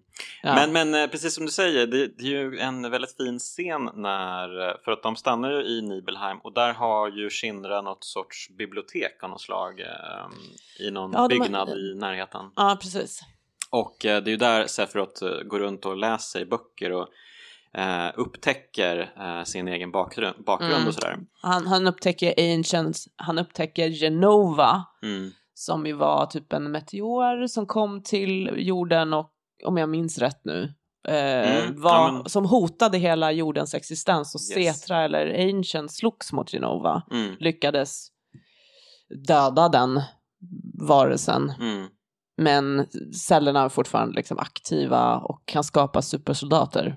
Precis, kan- så när Shinra hittade eh, Genova så insåg de direkt vilken skatt de hade. Mm. Eh, så sen har de ju haft eh, kroppen, eh, Genova-kroppen var väl först i Nibelheim och sen så fördes den väl till Shinra eh, lite senare. Ja, Men här, här i Flashbacken så är kroppen I eh, Nibelheim. I Nibelheim. Ja, precis. Han kommer ju, han, när han har gått full on bad så Mm. går han ju till reaktorn och liksom för att hämta mamma, som han säger då. Precis, eh, precis. Han ser Genova som sin mamma. Eh, men eh, om, vad jag förstår senare så har han, så har han ju en riktig mamma och pappa. Eh, Mm. eh, det finns en kvinna som heter Lucretia Ja, och som då tvingats gifta sig med den här galna vetenskapsmannen Hojo. jag tror inte de gifter sig med varandra. Nej, det kanske de inte gjorde, men ja. Och sen, men man kan ju, mm, det är ju en tolkningsfråga om Hojo faktiskt är pappa till Sephiroth eller om det är Vincent Valentine som är pappa till Sephiroth. Ah, För att han hade ju en romans med den här Lucretia. Ah, mm. Och han är ju en valbar eh, karaktär, precis som Jaffe, Mm, som man mm. kan ha med i sitt party. Och Honom hittar man väldigt vampyreskt i Nibelheim Mm, och kan mm. få med att joina, där han ligger i en... Eh, eh, Kista. Ja, exakt. Och han har legat där i dvala i jättelång tid. Så att det, den är, man, Mm. det, det framgår ju inte riktigt. Nej. Hojo tycker ju att han är pappa. Just det. Men- Men, men okej, ja, men, eh, man, man, kan ju ty- man tänker ju att det borde vara Vincent med tanke på... Lite Sef- looken också, Ja, man eller? tänker att Sephiroth är ju ändå en ganska snygg kille va? Ja, och Eh. Vincent är den också en snygg kille. Så att, eh, och eh, tittar man på Ja, Hojo sen så tänker man nej, det här stämmer inte. Nej, exakt. Eh, ja, lite så. Men eh, precis, och det, jag, jag gillar verkligen scenen när, för Cloud, han springer ju ner och så har ju liksom Sephiroth lite tal för honom när han inser att jag är min son, en uråldrig människa. För Mm. först tror jag han att han är en Setra själv, Ja. Sephiroth. Ja. Eh, och det finns en jättefin eh, bild här när man ser kameran ligga nästan vid marken Mm. och så ser man Sephiroth långt borta i bild Mm. ehm, det, i det här storybiblioteket. Ja, en, liksom en lång rad av böcker och så ser man honom längst bort där och sen så kommer Cloud in och typ man ser bara delar av hans kropp eh, nära, nära bilden, Mm. eh, nära kameran Mm. om man ska säga så. Och sen, för den här Flash, de kommer ju återbesöka eh, Flashbacks senare Ja. eh, och då byter de platsen så att de gör liksom Mm. en snygg eh, take på samma bild sen, bara det att de står på olika Ah, Okej, ställen. Det kommer inte jag ihåg. Ja, men det, det hände lite senare Ja. så att eh, ja. Eh, mycket snyggt Square, bra Mm. jobbat säger jag bara. Ja, de jobbar verkligen mycket med just vin- kameravinklar, Mm. som att det existerar en riktig kamera. Mm. Och då, det är ju också spännande för att det enda som egentligen är i 3D är ju de här karaktärsmodellerna. Sen Mm. alla miljöer är ju 2D Yes. fortfarande. Så. Mm. Okej, så att vi, det, vi får backstory på Karl, ifrån, i Kalm och sen går de eh, i eh, Sephiroths spår här för mig. Ja, att- precis, det gör de ju. Jag tror att de stöter på någon, någon scen där han har dödat en stor bäst eller någonting. ja, det är Midgar-ormen. Just det. Det är, man kommer efter Kalm så kommer det till Chocobo Ranch Mm. och du, du har det här träsket man ska ta sig igenom. Och om man så fort du går in i träsket så kommer Midgar-ormen. Mm. Och i det här läget så är den du dör på en sekund.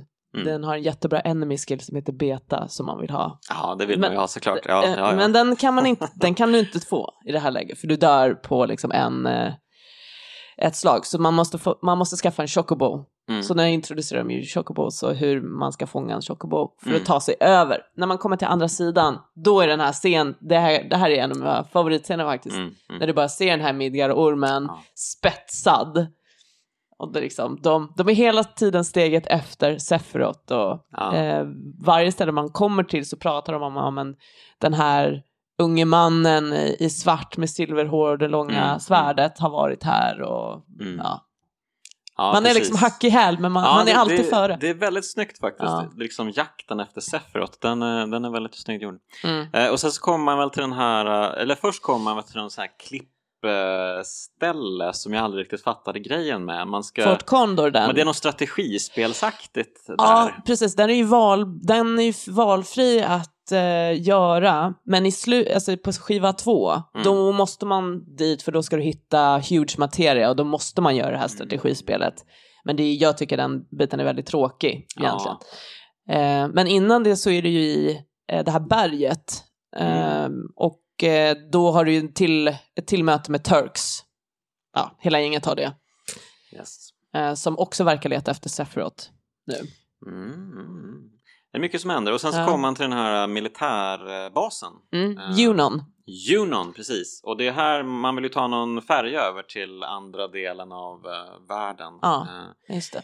Men, eh, och då händer det massa konstiga saker. Eh, dels måste man ju eh, utge sig för att vara Shinra-soldater och gå i Parader. marsch, parad, i en jättekonstig scen. Och det, jag fick inte spela den här, men jag minns hur det var att spela den här för att det var så frustrerande. Det är jättesvårt. Ja, det är Jättesvårt. supersvårt. Ja. Ehm, och det är roligt för de här soldaterna som man snackar med, Ja. som man liksom går i, i den här paraden med, de Mm. återkommer senare i spelet. Mm. Ehm, ja, typ nästan mot slutet dyker Aha. upp, eller en kort liten passus är det bara liksom att man, man fattar man, man eh, kommer in och så hör man dem ha en liten dialog och så bara ja men det är ju killarna från paraden, de är här, vad roligt! det var roligt! Så att eh, de, de jobbar mycket med så här att eh, ja men eh, här är någon liksom bikaraktär som Ja. du tror att du aldrig får se igen men nej då, vi har koll på allt. Alla Mm. kommer återkomma på något Ja, sätt. precis. Det är roligt när man springer runt där som Shinra soldat, för då har du ju mask. Mm. Så då kan man ju gå in på en bar och prata med Turk som sitter där och dricker liksom, en cocktail. Ah. Eh, man, man blir ju inkognito. Ja, det, är, det, är roligt, eh, det är ett roligt ställe. Mm. Ja precis och eh, ja man har lite, eh, jag tror man har en fight på stranden också men eh, jag minns inte exakt vad det handlar om. Ja, precis. Det är när man, när man kommer till så kan du inte, du kan inte bara gå rakt in i militärstan utan du Just måste det. klättra upp eller det är, en, Mm, ja, man mm. har, det är något sjömonster och så är det en tjej med en delfin som man ska rädda och, hon, och tack vare delfinen Mm. så kan man hoppa. Ja, det är bisarrt. Mm, mm, mm, mm. Yes, yes, yes. Eh, Eh, precis. ja, men, men man, man till slut då, eh, efter lite om och men, eh, Rufus dyker väl upp här också och ja, bossar folk. Ja, men det tror jag. Och eh, hans underhuggare Heidegger och Mm. de där Mm. eh, dyker också upp. Men de alla klär ju ut sig till Kinna-soldater och lyckas ta sig över det här skeppet i alla fall. Yes, och då har de första striden med Genova. Ja, och träffa Sephiroth första gången också. Ja, och det här är ju lite komplicerat. Ja, för att, eh, exakt, det är, är det ju- Sephiroth? Nej, men det är ju inte det. Men, men det beror på hur... Eh, nej, för Sephiroth, den riktiga Sephiroth ligger ju under The North Crater. Mm. Och eh, det är ju typ projiceringar som Genova gör av honom Mm. som man träffar på. Ja, Det- det, Det är visst det är superrörigt. Ja, wow. Eh, ja. Men, men om man, om man, det, är han, det är hans kropp i alla Mm, fall. mm. Och han, han pratar ju som Sephiroth. precis. Så att det, det är också otydligt. Eh, var börjar han och var, eller var, slu, var slutar han? Var börjar Genova? Var slutar Sephiroth? Eller ja, Ja, var slutar precis. Genova? liksom, Eftersom Sephiroth på något sätt får så sägas vara Genovas eh, son så. Mm. eh, så får man väl anta att de har någon sorts DNA-kontakt. Ja, han har ju blivit eh, infused med Genova-celler. Precis som Mm. andra personer i Soldier. Det här får man Mm. inte reda på att det är det som eh, gör dem superstarka. Mm. Men alla de har ju en koppling till Genova. men, men är det inte så att de andra blir infused med Sephiroth-celler? Eh, ja, men nu, alltså det är, super, det är så rörigt. För, ja, jo, jo, för jag tror inte det, utan jag tror att Hojo experimenterar ju för att göra den ultimata soldaten. Ja. Och den enda som överlever som blir eh, perfekt Ja. är Sephiroth. Mm. Och ehm, han har ju experimenterat på Cloud. Mm. Men jag vet, det här är så rörigt, för sen har du alla de här eh, karaktärerna som bara har så svarta kåpor som säger att de är på väg till the reunion. Det är ju ofullständiga eh, kloner som dör. Mm. Mm. Ehm, men, och de försöker ju få Cloud att tro att han är en klon senare. Ja, alltså. herregud, men det är så alltså. rörigt. Men han är ju inte en klon, men däremot så har han blivit experimenterad på av Shinra Mm. Mm. och Hojo. Så att han, eh, han har ju, eh, jag tror inte Cloud har Genova-celler, men han har ju jättehöga halter av mak och energi. För han, ja. Då säger de ju hela tiden att han har ett strange glow of det. blue. Mm. Och det har ju bara folk som har blivit utsatta för mak. Mm, Ja, jag vet. mm. Nej, men det här är så rörigt. Oj, oj, oj. Ja, du, hur ska det gå det här?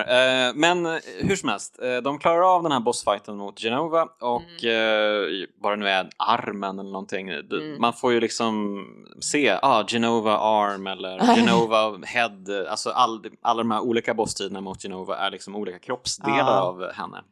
Det är så cool musik när man möter Genova, Ja, måste jag också säga. Det är det, verkligen. Uh, precis, sen kommer de till den här uh, Costa del Sol som är så här, Ja. solskens uh, beachställe där man också kan köpa en uh, lägenhet. Oj, kan man? Ja, visst. Åh, Kostar uh, en miljon gil tror jag. En andelsboende kanske? Ja, Eller en, man kanske köper den helt och hållet? Vem vet? Nej, nej, alltså du, köper, du kan köpa en lägenhet där. Wow. Det är så Coolt! Ja, men det, det är ju en jättehärlig, det är ju verkligen eh, semesterställe Ja. nummer ett liksom och beachen. Och här hittar man Hojo på beachen. På beachen ja. Vad är det som pågår? Va? Varför? Och, och alla bara liksom samlas runt honom och bara nu du din rackare, nu ska vi ge dig. Och han är hur Eh, cool som helst. Han ja, bara ligger ja. där, nej men stick, jag ligger här och solar. Ja. Och så gör man ingenting mot honom, man bara går. Ja. Det, det fattade jag aldrig riktigt, för att de vet ju att Hojo är bad news. Varför bara dra dem? ja, men han är ju inte ett hot på samma sätt kanske. För, Mm. för, och de måste prioritera vad som är hot. Mm. Jag, Ja, jag, jag vet antar, inte. alltså de är ju inte liksom mördare per Nej, se. precis. Eh, så att bara döda honom mitt på beachen, det känns ju... Ja, Mm. absolut. Men jag vet inte, kanske ta någon till fånga eller någonting. Ja. Hur som helst, allt, Mm. allt är kanske inte perfekt eh, iscensatt av Square här helt enkelt. Men det är en kul scen i alla Ja, fall. verkligen. Ja. Eh, ja, och sen så tar man väl sig härifrån och beger sig mot... Eh... Corell kommer man till. Mm, Vilket ju är en gammal... Först passerar det ju din jättevackra miljö här. Mm, du, mm. har, du har solen ligger på, det är lite höstigt landskap. Eh, Och sen kommer du till den här reaktorn. Eh, alltså när jag spelade det här eh, första gången, musiken i reaktorerna, det är så ödesmättat och läskigt. mm. Jag var så rädd att springa runt. Och sen är det ju här random encounters. Just bara- det. Ja. Nej, jag tyckte det. De var riktigt eh, läskiga. Men vi kommer dit och sen går man eh, till den här gamla gruvstaden, Mm. Corell, Mm. som är ju inte, den ligger ju inte kvar där den var för att den har liksom blivit, den har ju brunnit ner. Men Mm. så nu är det ett väldigt liksom eh, fattigt samhälle. Och det Mm. visar ju sig att Barrett kommer härifrån så han, Yes. eh, eh, de vill inte ha honom där för att han är, det är hans fel att det här händer i, i princip. Eh, och Ja. senare får, han berättar väl vad eh, för, för gänget liksom, senare, var, vad, var det- vad som hände. Just det, det är väl när man har kommit till eh, den här fantastiska typ Las Vegas-staden. Gold Saucer, ja, Gold, precis. Golden Saucer, precis. Eh, och så tar man ju sig ner nedanför Golden Saucer. Ja, de blir ju, eh, de blir ju, man springer runt och letar efter Sephiroth här också. Mm. Och sen eh, han som äger G, Dio, han som liksom äger Gold Saucer. Just det, Tarzan-killen. Exakt, han Ja. går ju bara runt i småbyxor. Vad- ja, också en sån här Ja, karaktär man är det. tänker what? Okej. Han eh, kastar ner dem i fängelset. Mm. Och det är ju liksom öknen under Gold Mm. Det går inte att ta sig därifrån för det är kvicksand överallt. Liksom. Så det är perfekta liksom, fängelset. Där berättar Barrett vad som hade- hände. Att det var en eh, gruvstad och de bara hade sitt kol och så kommer Mm. Shinra och lovade dem guld och gröna skogar när de Mm. då skulle bygga den här reaktorn. Byggde reaktorn, sen brände de ner hela skiten och alla hatar Barrett för att han var liksom pro Shinra från början. Just det, och han hade ju en eh, polare som det gick illa för också, Dine. Just Eh, det, precis. Man får ju höra i Gold Saucer att det är, just det, när man eh, kommer till Battle Arena så är det ju jättemycket folk som har blivit skjutna Mm. av någon med en, eh, ett vapen på armen istället för en arm. Ja, Så det låter liksom som Barrett i precis. princip. Så Fast- eh, Barrett är ju inte med i gänget då, han har ju sprungit iväg för att fixa Just- något själv. Så då, då tror ju alla i gänget, va? Går Barrett runt och mördar folk? Vad är det här? Det är Mm. inte den Barrett vi känner. Nej. Men sen så inser de att nej, det är inte Barrett, det är Dine, Barretts gamla polare från förr i Mm. tiden. Och då får vi se också en sån här ganska snygg flashback-scen när de när båda förlorade sina armar och det är ju på ett ganska coolt sätt ändå. Ja. Eh, jag tror att det är Barrett som håller upp Dine för att eh, ja, det är över precis. en ravin. Just det, det är som ehm, i Captain America, första, alltså första Captain America när han håller Bucky. Det är som eh, så, som han, de håller varandra. Så därför tror jag att Bar- Barrett tror jag att Dine är död. Mm, För att han faller ju ner i ravinen. mm. Men eh, nej, men det var, han, eh, han dog inte, han gjorde om den armen till eh, uh, skjutvapen också. Det är så snyggt eh, när det liksom sker att de blir skjutna uh, längs med armarna för det är ju en sån här klassisk film uh, ratata-scen. Mm. Det här att man ser kulorna långsamt närma sig sitt mål via ja. liksom ja. ravinkanten mm. och sen så slicer den av bådas armar mm. och så faller han ner. och jag tror att det är Barretts högerarm och Dines vänsterarm ja, så att de liksom har någon sån här Uh, ja, tillsammans är vi en hel människa liksom och sådär. Mm. Lite sådana saker.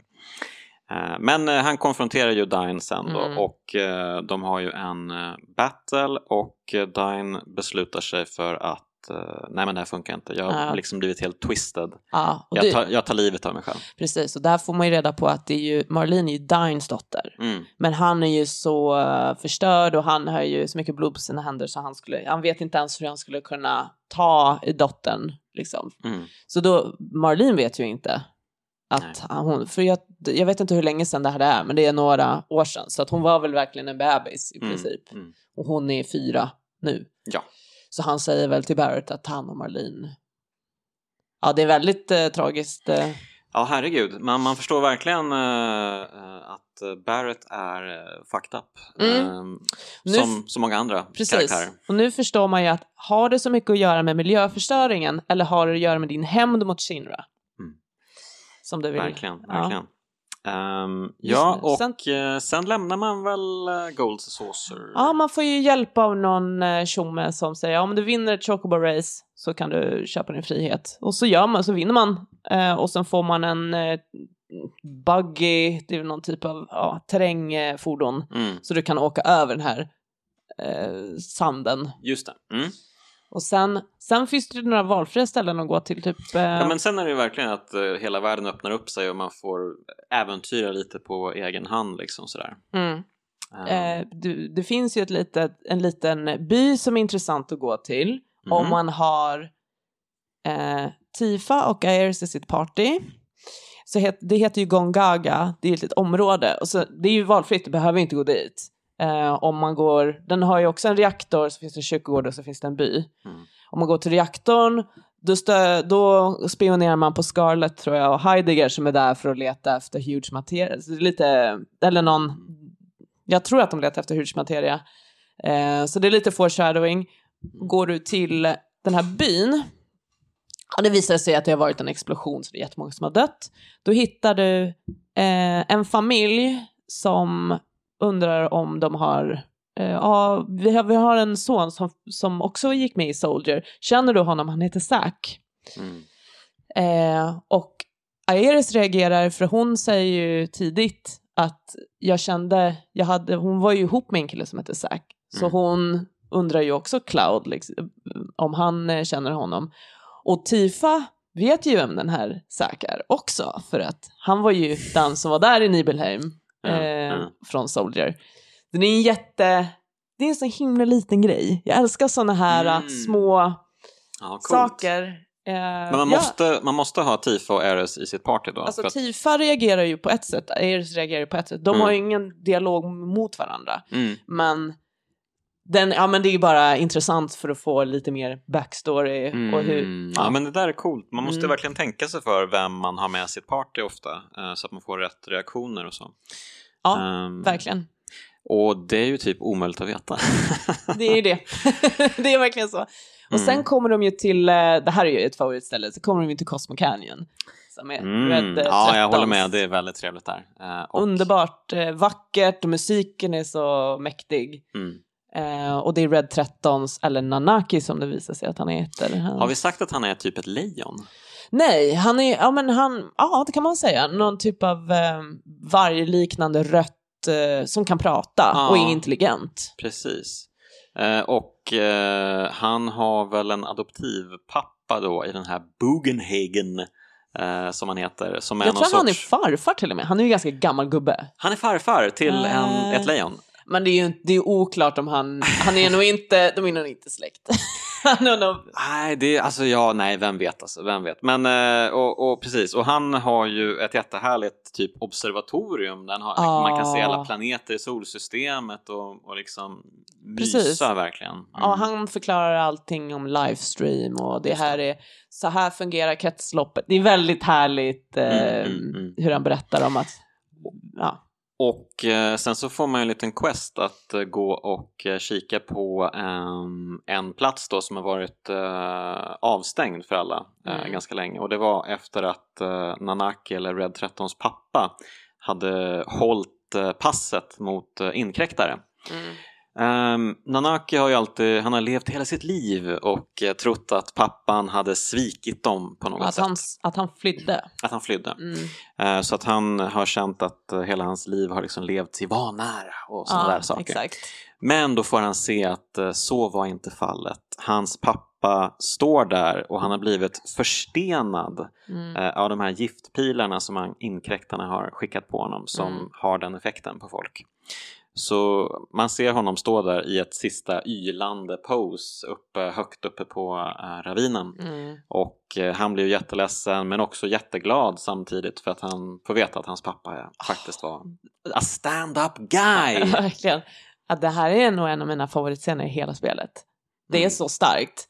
Eh, och musiken är så underbar. Och Mm. eh, ja, det, är- det, är- det är så fantastisk scen faktiskt. Ja, och eh, lite mm, magisk, fantastisk, otrolig. Eh, eh, pappan börjar ju faktiskt gråta, Gråta. tårar Ja. som faller ner. Mm. Ehm, ja. Ja men precis, han är ju förstenad. Han är väl inte död? Det är ju... Eller någonting. ja, kanske. Vem vet? Det, man behöver inte veta exakt. Nej, Bara att precis, det är det väldigt fint att den här förstenade saken börjar gråta helt plötsligt. Det här, är så, det här uppskattar jag så mycket med eh, Nobuo Uematsu-musiken för att Mm. det, fler, det finns tillfällen i spelet där det finns en musikslinga som bara spelas en gång. Och Mm. det här är musiken just den här scenen. Mm. Den återkommer inte. Mm. Det är inte något på repeat. Det finns några andra sådana, alltså kända, mest kända är väl One Winged Angel i den fighten. Mm. Men eh, ja, den här är en av de starkaste scenerna. Ja, jag håller med. Mycket, mycket fin scen. Ehm, och eh, ja, och va- ja, var, vart tar man vägen sen? Sen kommer du till Nibelheim. Mm. Så det här är ju spännande. Ah, nu Vä- händer det saker. För det här är ju väldigt spännande, för särskilt om du har med Tifa, måste man ju ha med, annars dumt att inte ha med henne. Mm. Ehm, för ingen vill ju kännas vid, för staden brann ju upp. Det är Mm. ju, eh, får vi ju fått reda på från Clouds historia, något som Tifa också bekräftar Mm. hände. Mm. Att eh, Sephiroth brände upp allting. Mm. Ingen vill ju kännas vid att, de, att det har hänt. Det är ju som att eh, de här är bara drones som har satts dit av Shinra Mm. som, alltså som skådespelare, hela stan. Ja. Eh, Cloud besöker sitt gamla hus, du vet, han, eh, mamman är ju inte där för hon dog ju i den ehm, Mm. branden. Där är det någon annan som han inte kännas vid att han någonsin ägt det här huset. Oj, så pass alltså? Det Okej. är jättecreepy. Eh, Ja. Man kan ju Det besöka är värsta typ... Truman Show alltså. Ja, exakt. De har liksom iscensatt det. De har ju för- sen satt hela stan, byggt upp allting, satt dit nya människor och Wow. mörklagt det. Mm. Mm. Mm. Är De är terrible. riktigt sjuka i huvudet. Ja, de är riktigt sjuka. Men Mm. ja, du kan ju besöka Tyfas eh, hus också och hennes Mm. rum. Mm. Ehm, ja, Nej, men, och sen eh, kan man ju då besöka eh, det här Shinra Mansion. Det är där biblioteket är. Ja, och där det. Mm. i källaren så det är väl här, om man, om man, får man en flashback till att Sephiroth Ja, jag tror att det Eh, här den här flashbacken jag dyker upp där de liksom byter plats. plats. Ja. eller att man får se det från en annan vinkel i alla fall. Mm. Precis. Så att, och det är här bredvid, i rummet bredvid det, som man Mm. kan hitta Vincent Valentine. Just det, man, precis. Han ligger i en kista här. Just Ja. Mm. Och Jaffe kom jag på, hon är, hon är jättesvår att hitta. Hon, man ganska- sätter på henne ute i öppna spelvärlden? Eller? Ja, det är typ en, en särskild skog med vissa fiender, så måste du säga exakt rätt Mhm. i konversationen med henne, annars så snor hon dina grejer och drar. Men alltså, Ja. okej. Eh, och hon har, det känns som att hon är den karaktär som har minst eh, karaktärsutveckling av alla. Ja, det Mm. tror jag nog. Hon, har ju, jag tror, hon och Vincent har ju minst, Mm. för de var ju inte alltså full-fledged eh, karaktärer att vara med. De är, Mm. inte, de är inte med i några cinematics. Liksom, Nej, just det. De är lite eftertanke kanske, känns det som. Ja, Mm. men däremot så har de ju egna sidequests. Mm. Alltså, och hon har ju hela Vutai-området. Det är ju helt valfritt att gå dit. Du behöver ju inte det. Mm. Eh, när, ja, hur som helst. Där hittar man ju Och sen går du ju till eh, reaktorn där i Nibelheim. Mm. Det är ju spännande. När, Mm. när man har hört historien så kommer man dit. Det känns ju rätt mäktigt.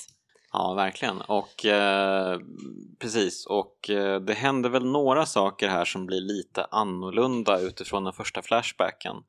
Eh, men inte jättemycket annorlunda, för Zack dyker ju inte upp än i hans eh, flashback-tankar. Nej, nej precis. Eh, Åh gud. Jag tror att i Flash, den första, Mm. i, är det i Calm, när, de, när Cloud pratar om den här... Eh, det är det här fotot, där Zack är med på fotot. Jag kommer inte exakt ihåg när det... Just Nej, det, förlåt. just det här är i slutet av första skivan så får man veta att det var någon annan på fotot och inte Cloud. Mm.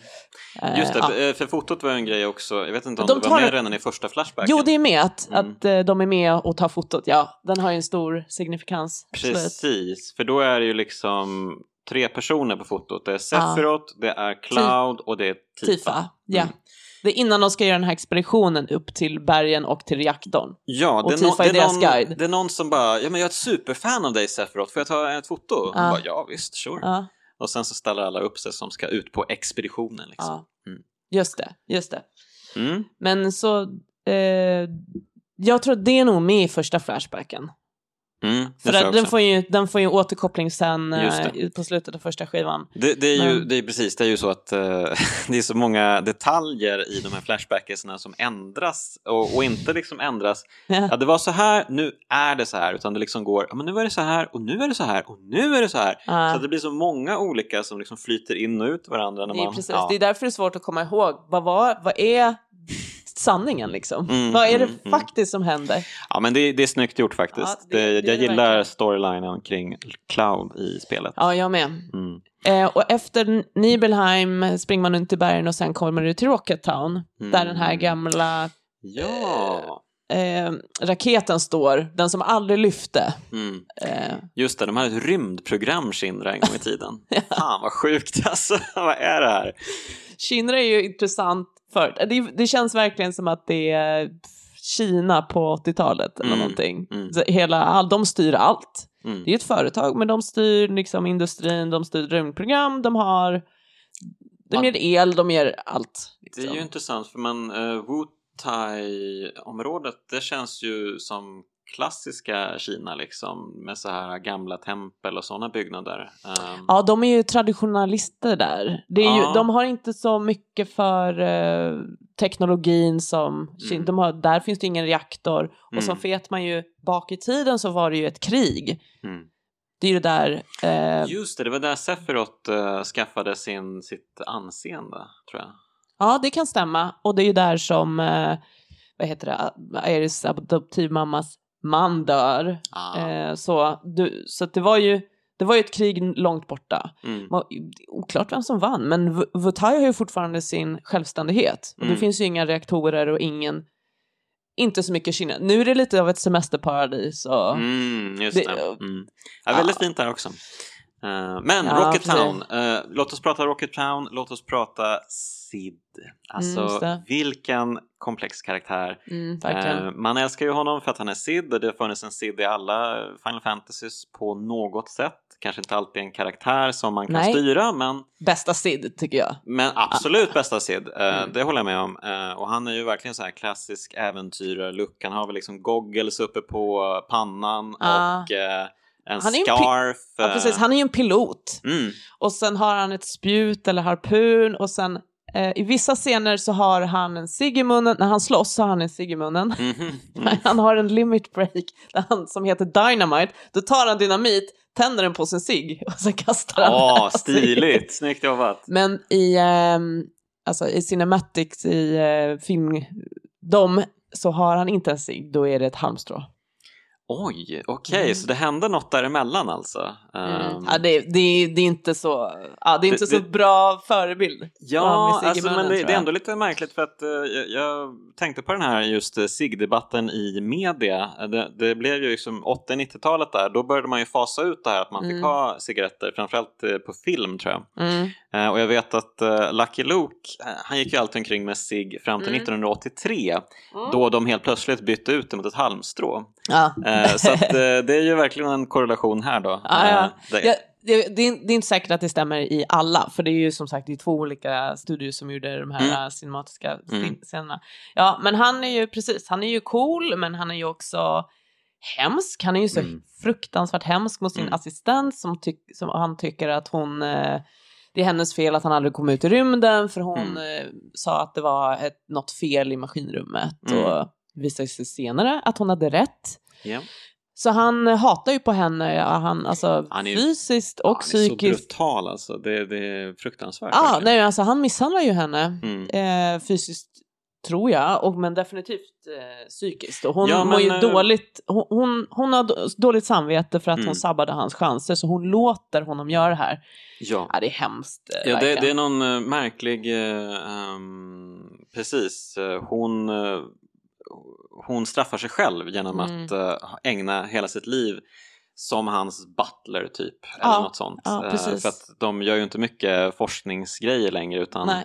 det är väl typ bara att de lever i den här stan och att hon typ eh, fixar allt åt honom. Ja, Hon, hon fixar ju fram te och godsaker till gänget. Och då berättar hon den här flashbacken Mm. om hur det kom sig att raketen är på sned och den inte åkte iväg och sådär. Mm. Eh, och precis, han skulle ju precis till att åka iväg med raketen och sen så bara Va? Är du kvar?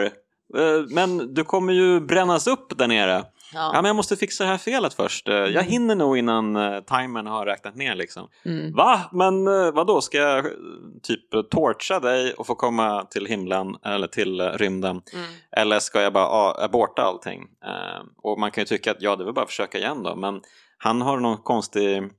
Han gör det liksom i absolut sista sekunden så precis när raketen är på väg att lyfta då trycker han på abortknappen och då liksom blir den satt Mm. på sniskan. Ehm, så att eh, han får ju skylla sig själv lite också att han väntar så länge med att bestämma sig för det där. Ja, det, kan man verkligen tycka. Man- Kan ni, ni inte ha gjort den här säkerhetskollen lite tidigare också? Ja men herregud, men Ja. han är ju så, ja men han, redan, redan här i Flashbacken är han ju ett jävla as alltså. Ja, verkligen. Och sen blir han bara värre. Ja, ja, precis.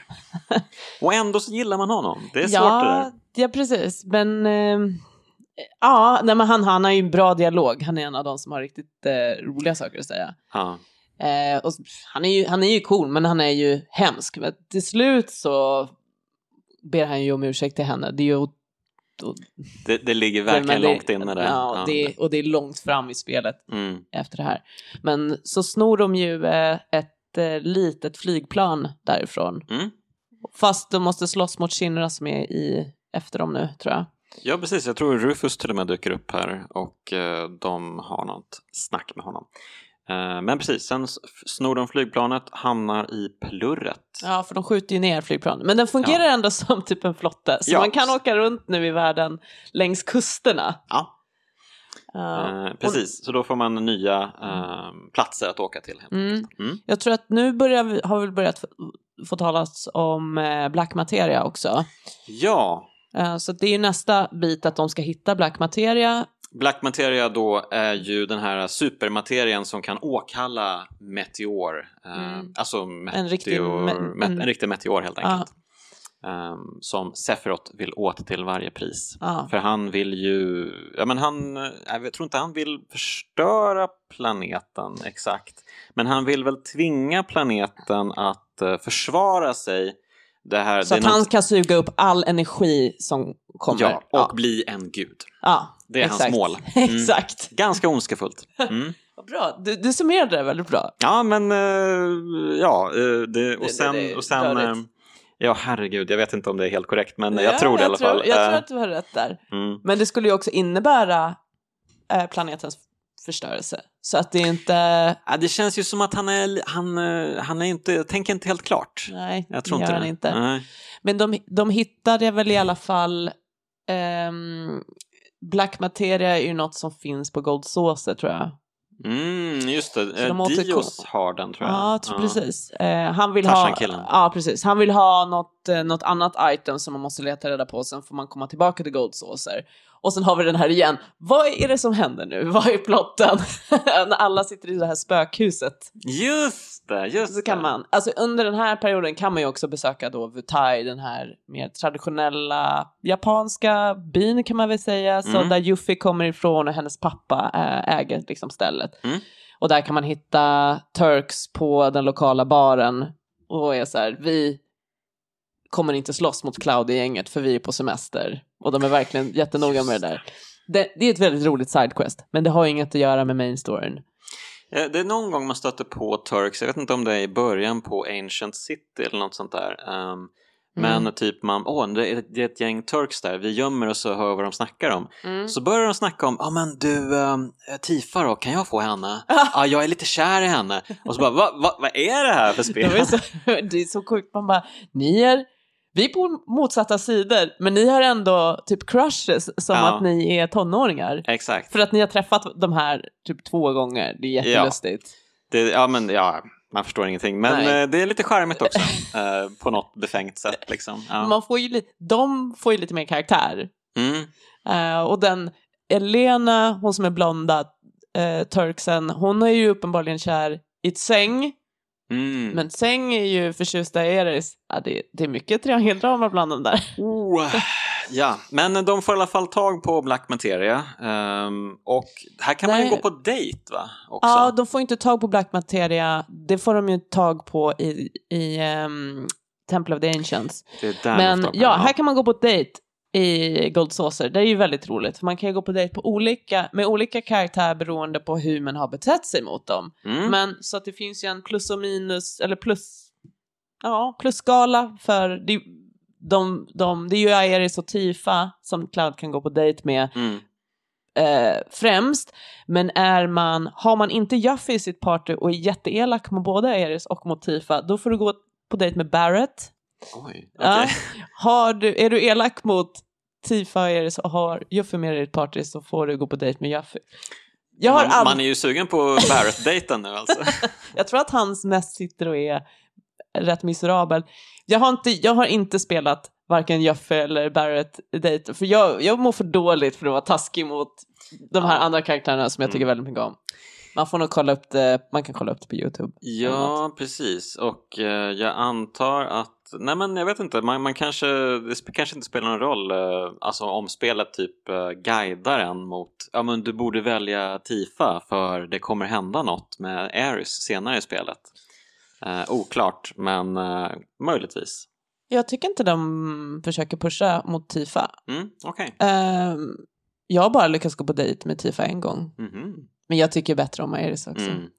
jag gillar Ja men det, och det, för är ju, det är ju lätt att göra för Ares är ju mycket tuffare och mycket coolare. ehm, tycker jag. Inledningsvis i alla fall. Ja, i alla fall i Midgard när man springer runt eh, och Absolut. hon typ eh, bossar runt Cloud. Klart ska jag gå runt i klänning, kom igen, du kommer se jättesnygg ut. Kom igen, nu kör vi liksom.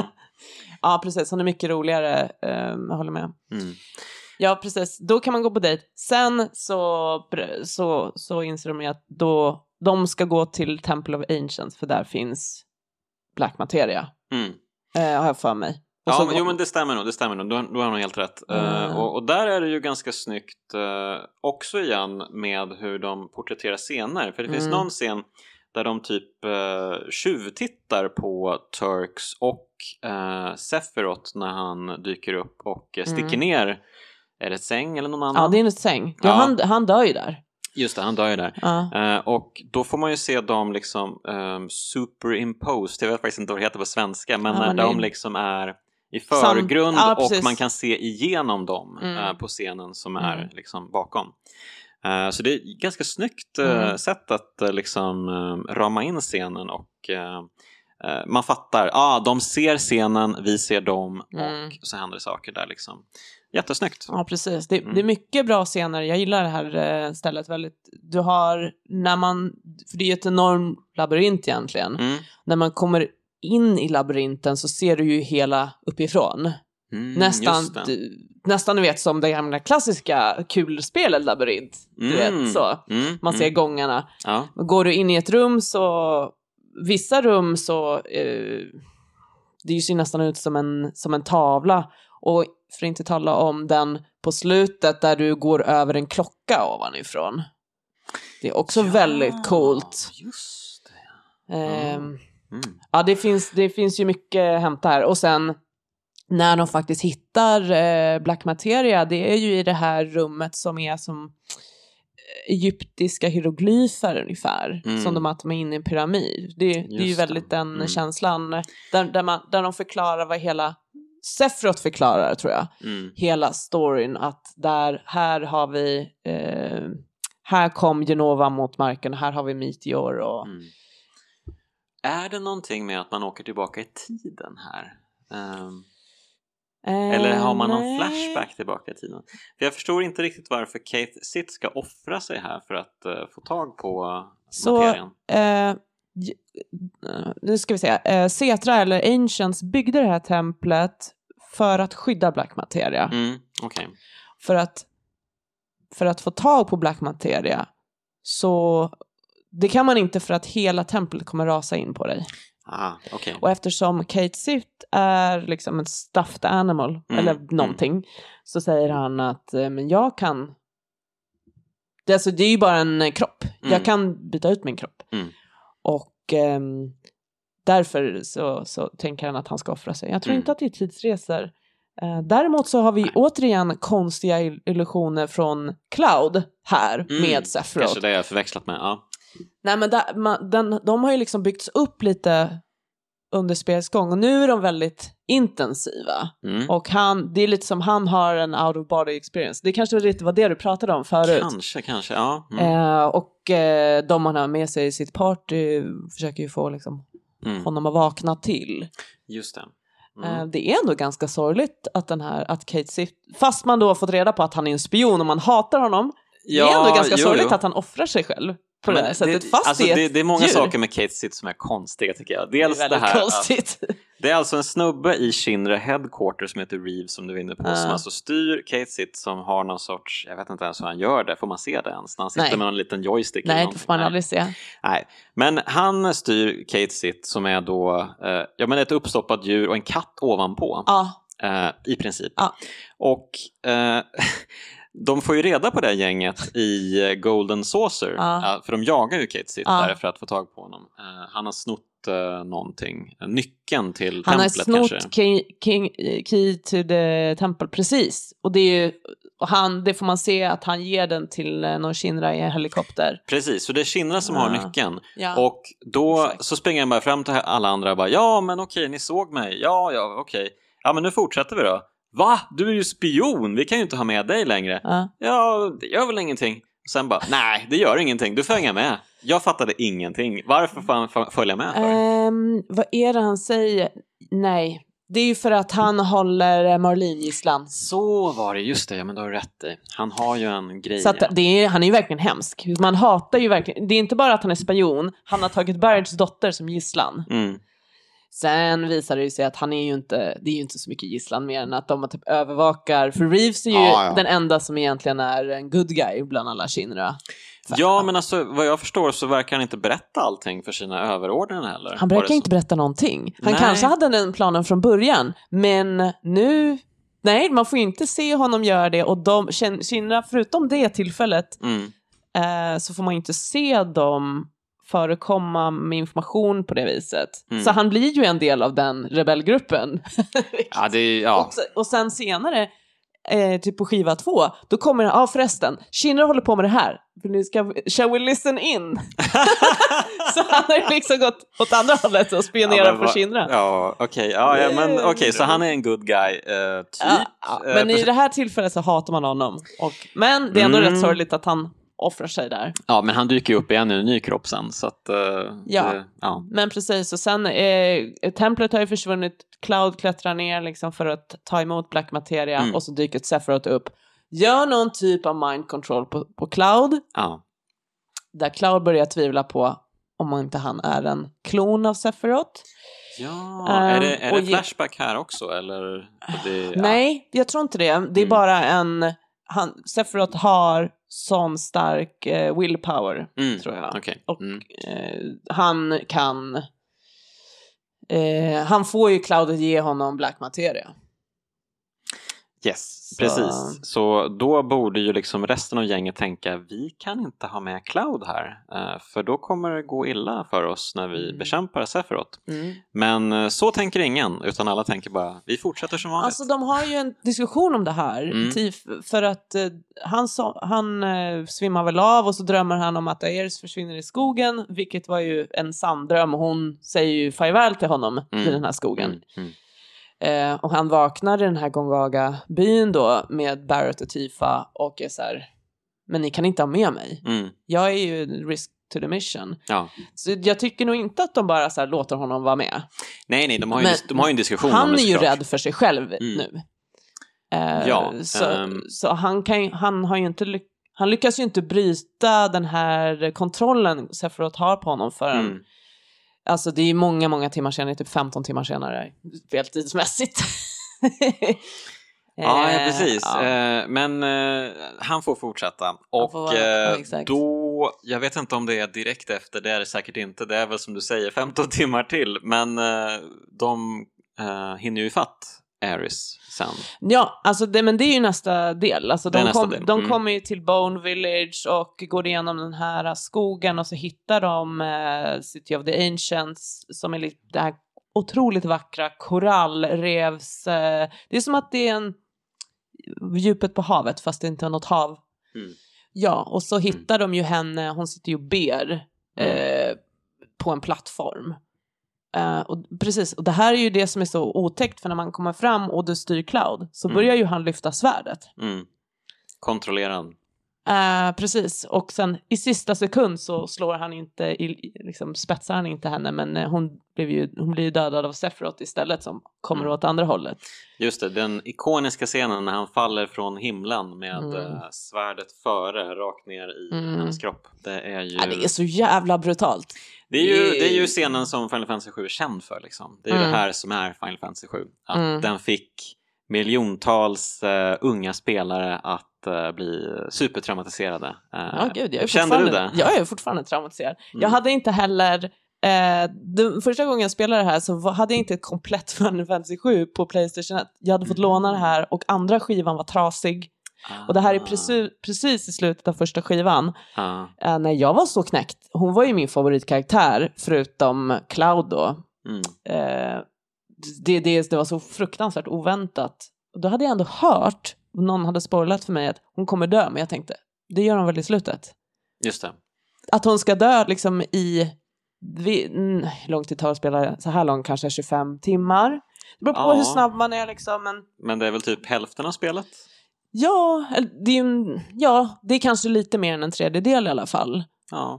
Um, för de andra skivorna är ju lite kortare. Men ja. ja, det är ju, så det var ju, jag kunde inte spela det här på typ en månad efter. För, rent för att jag inte hade skivan.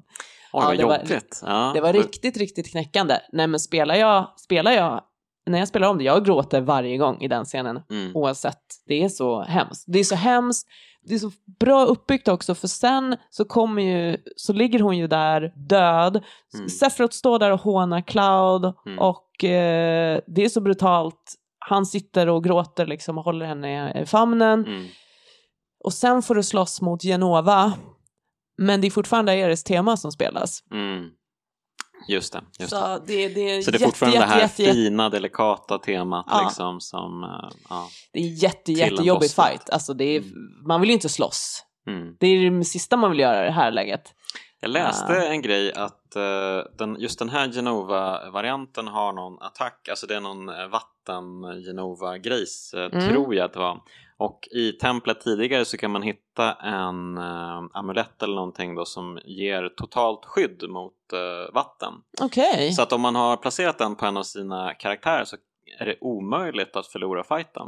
Och jag tror att de gjorde det, Square Enix, för att spelarna kommer vara för sorgsna, de kommer, det kommer vara liksom för mycket känslor. Mm. Så att eh, här får ni en fight ni inte kan förlora direkt efteråt. Ja, jag, jag tror inte att jag har satt på någon av mina gubbar den. Ah, okej, okej.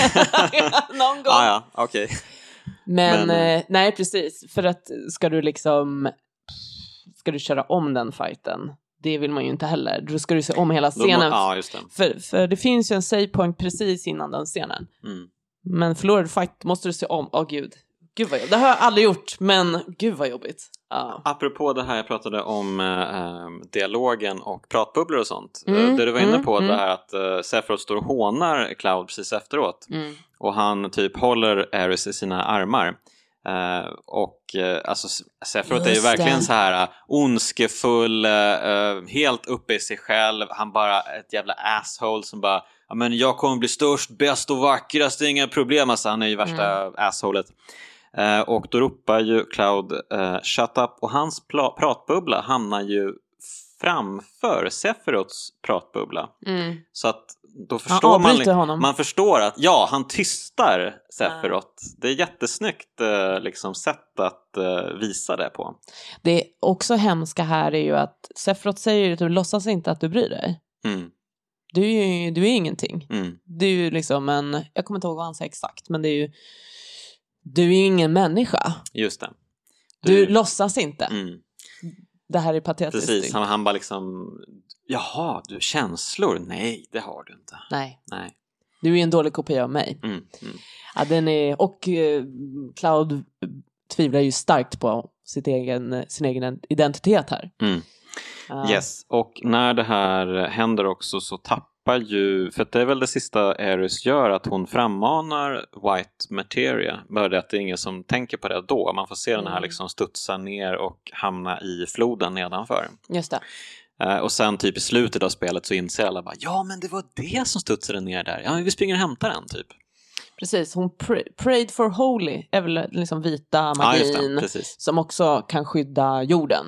Mot uh, uh, Meteor, Meteorite. Den kan, ja men den, eh, precis, den ska ju sky- Jag tror att det, hon lyckades inte göra det fullt ut eller något sånt. Mhm, men mm, ja, det var, ju det, det var ju därför hon åkte dit för att göra det. För Ja. att hon visste att hon är den enda som kan stoppa den mörka magin liksom. Ja. Ja, Ja, ja. och herregud, och då alla är ju knäckta efter detta. Ja, det är... Gud. Ja, precis. Det Mm. hela gänget är ju det. Och så här, ska, hur ska vi ens gå vidare? Och... eh, Mm. Ja, det är tufft. Men... eh, Tuffa puckar. Eh, men då bestämmer sig gänget för att åka norrut va? Ja, de, det är ju så här, nej men vi måste, stå, vi måste stoppa Sephiroth. Mm. Det här kan inte vara liksom en in vain vad hon, att hon dog nu. Så då ska de upp till Northern Crater, va? första encountern där uppe. Ja, precis. Det är ju en ganska lång bit. Du, åker, du kommer upp, eh, det kommer upp till den här eh, snöstaden. Mm. Där finns det också roliga flashbacks med Mm. Ifallna som är Iris riktiga mamma och eh, professorn som är hennes pappa. Vad heter han nu då? Professor Gast. Ja, tack. Mm. Som ju var den briljanta professorn som Hojo vill vara som, men han var aldrig lika Precis, briljant. Hojo snodde allt hans, eh, hela Ja, hans livsverk. Exakt. Och de bodde där uppe och höll sig från Shinra Mm. tills Shinra kom. Ja. Så det får man se i Flashback som man är Mm. där och undersöker. Och sen så, just det, sen åker man snowboard ner. Ja, man åker snow. Alltså det finns så många konstiga minispel i spelet Ja, också. Det bara dyker upp uh, sådana här grejer. Jaha, nu blir det snowboard, Ja. okej. Ja, ja, visst, vi och, kör. sen, och sen har man låst upp det i Gold Saucer, kan gå och spela det. Ah. Och sen Okej. ko- ja, men sen kommer du till det här äh, snölandskapet och äh, planen är ju att klättra upp längs den här äh, klippan och i meteor... Alltså det, den meteorhålet är väl från när ni Genova träffade jorden? Ja, jag tror det. Mm. Eh, ja, och där är det... Eh, just det, han är ju också... Shinra är ju på jakt efter The Promised Land, det hade jag glömt. Just det, Och precis. The Promised Land enligt myten är ett liksom, eh, prosperous country typ, eh, men i faktiska mått så är det någonting där det finns jättemycket mak och energi som bara virvlar upp i jorden. Och här är det ju typ ett, ett öppet sår Mm. för, i planeten, så Mm. du har ju den här virvelvinden av Mako, energi, så ren energi. Och det är Ja. ju det här som Shinra vill ex exploatera. Mm. Eh, och Sephiroth är också på väg dit. För, jag vet inte riktigt, för, att- för att hitta sin egen kropp som ju är begravd här. Alltså, Eh, ja, precis. Han finns ju redan där. Så att, eh, det, ja, det är lite märkligt allting. Eh, men men Ja. de, alla, gänget kommer ju dit till slut då. Och eh, ja, de eh, drabbas, eller Cloud framförallt, drabbas ju av en, av- en av Sephiroths Mm. mindfucks. Eh, och nu börjar han ju verkligen tvivla på sig själv. Mm. Eh, och Han ger honom Black Materia För- igen. ja, för de har ju tagit tillbaka De Black lyckas, Materia. de lyckas göra det. Men uh, Sephiroth skapade någon illusion mot Tifa så att hon eh, ja, blir lurad. Och, och eh, Cloud bara ger, han är ju mind-controllad nu och så ger han eh, Black Materia till Mm. Sephiroth, Är- är det- riktiga Sephiroth då. Ja, precis, för de har ju äntligen kommit fram till hans... eh, han är ju någon, inne i någon kristall Det är ju därför de ska upp dit, för Mm. att ge Black Materia till Sephiroths riktiga kropp. Yes. Så, så att han kan ju inte frammana Meteor innan han har den. Han måste ju kunna hålla i den Mm. eh, själv. Precis. Precis, så att eh, ja, och eh, när Cloud väl har gjort detta då har han ju inget syfte längre. Ehm, och Mm. han blir väl helt knäckt av det här? Ja, han, nej, han försvinner ju, för att allting sprängs ju här. Just det, så. Eh, Mm. Kina dyker upp, planeten, alltså där han eh, frammanar eh, Meteor. Mm. Planeten reagerar ju med att eh, skicka upp weapons. Som Ja. är ju de här jättemonstren som ska skydda planeten som alla ser ut som drakar. Ja, Cybernetiska precis. drakar typ. Jag gillade, det var någon översättning som bara “Weapon is a weapon designed to...” Ja, så att bara, ja, det kunde ni ha fraserat lite bättre kanske. Men, Ja. ja. Men- Eh, ja. Så, så de, eh, de lyckas ju, Shinra rädda dem, gänget, fast Cloud ramlar ju ner i livestream. Men Mm. resten av eh, Barrett och Tifa tror jag eh, tas, alla åker med på det här, deras luftskepp och samtidigt så sprängs allting och de här weaponsen flyger ut. Just det, och då, precis, då ännu mer japanska saker. Nu blir det liksom Godzilla, kaiju-varelser och liksom hela skiten. Mm, verkligen, bara. verkligen, verkligen. Det är en väldigt imponerande eh, cinematisk scen. Det Ja, här är, det är jävligt coolt. Mm, mm, mm. Och sen tror jag, sen är ju Tifa och Barrett eh, i Junon igen och båda ska liksom bli dömas till döden. Just det, Och precis. eh, Tifa ska bli ihjälgasad. Ja, just det. Där. Du, det här var en lite märklig scen tycker jag. Ja. Ehm, för de har, de har ju haft eh, timers ganska ofta i spelet. Mm, Eh, typ, eh, nu är det self-destruct i början till exempel. Ja, precis. Och sen är det något liknande lite senare i spelet. Men här när Tifa sitter i den här gaskammaren och gasen börjar strömma in så är det ingen timer utan man får, Mm. alla andra liksom har gott om tid på sig att trilla runt där ute och mm. eh, liksom, ja, De slåss vill mot väl inte att man ska misslyckas kanske? Nej, men varför har man haft timers tidigare? Ja, ja nej, för att skapa agents, eller liksom lite stress. Ja. Men jag, det, är, jag, det är konstigt, jag håller med. Ja. Det, det borde finnas äh, någonting. Snälla, hon håller ju på att kvävas här. Men eh, det blir ju en ganska cool, för det är ju precis som eh, tidigare eh, när man tog sig ut från Shinra här kvarteret, man klipper Mm. mellan Tifa i gaskammaren och Mm. Barrett och company som springer runt och ratatatatata på fienden och sådär. Mm. Och det slutar väl med att Tifa till slut lyckas ta sig loss via en jättekonstig grej, liksom hon hittar en nyckel som någon har tappat på golvet. Exakt! Och ja, Va? precis samtidigt så har du ett av de här weapons som håller på att attackerar Just det. Junon och de Mm. använder den här jättekanonen. Ja. Eh, men eh, weapon eh, attackerar ju byggnaden och hon kan ju klättra ut ur det här hålet som blir av eh, den Mm. attacken. Mm. Hon kommer ur gaskammaren på så sätt.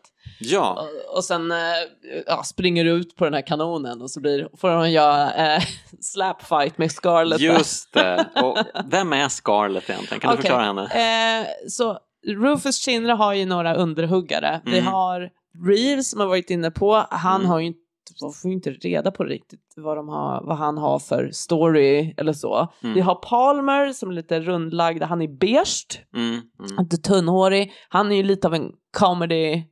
Character. ja.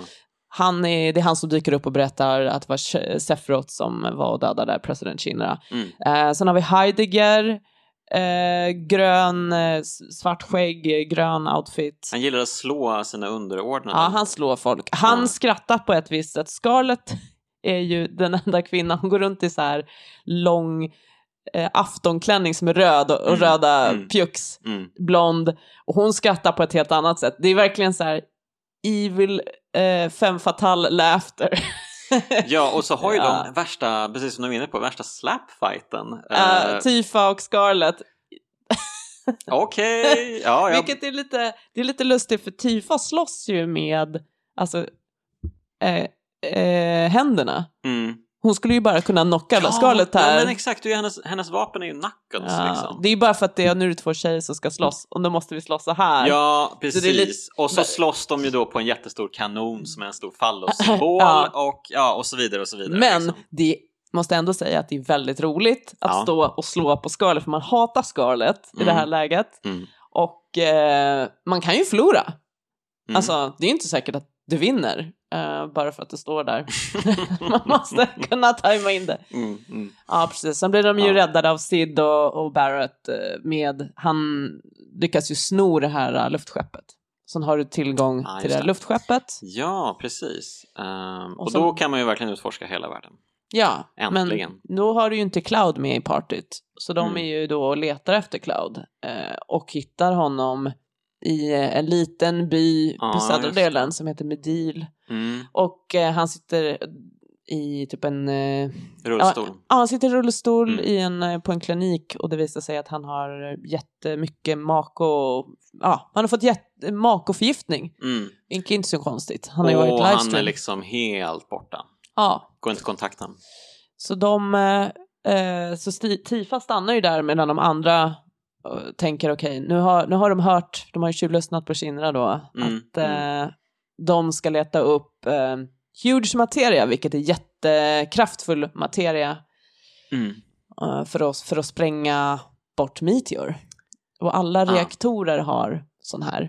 Eh, Mm. Så det, Barrett och Sid bestämmer att det här kan vi, måste vi stoppa, för det här är ju jättedåligt om de får Mm. eh, det här. Eh, Just det. Eh, och den hittar de då i den här, i början, den här ök, eller den här um, Canyon... Nej, det här strategispelet, vad där ja, var. där har vi en, Fort Condor är, har en, eh, huge materia. Eh, och vad är den andra någonstans då?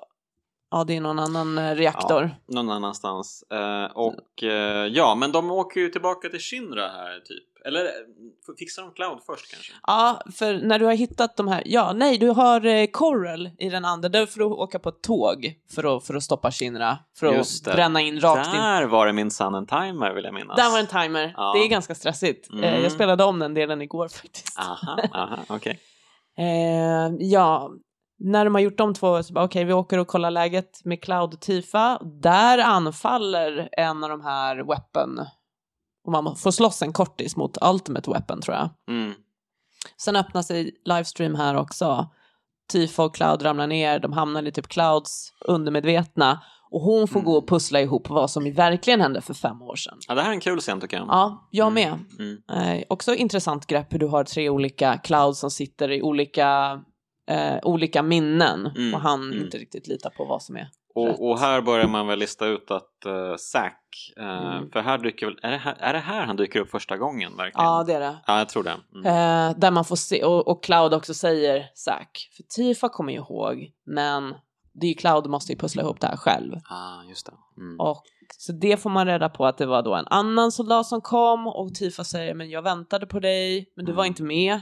Mm. Och då får, då får vi ju se att Cloud var ju med men Mm. han var ju bara en vanlig Shinra-soldat. Och Just han skämdes för mycket för att säga att det var att han inte kom med i Soldier. Så Mm. han eh, visade sig aldrig riktigt.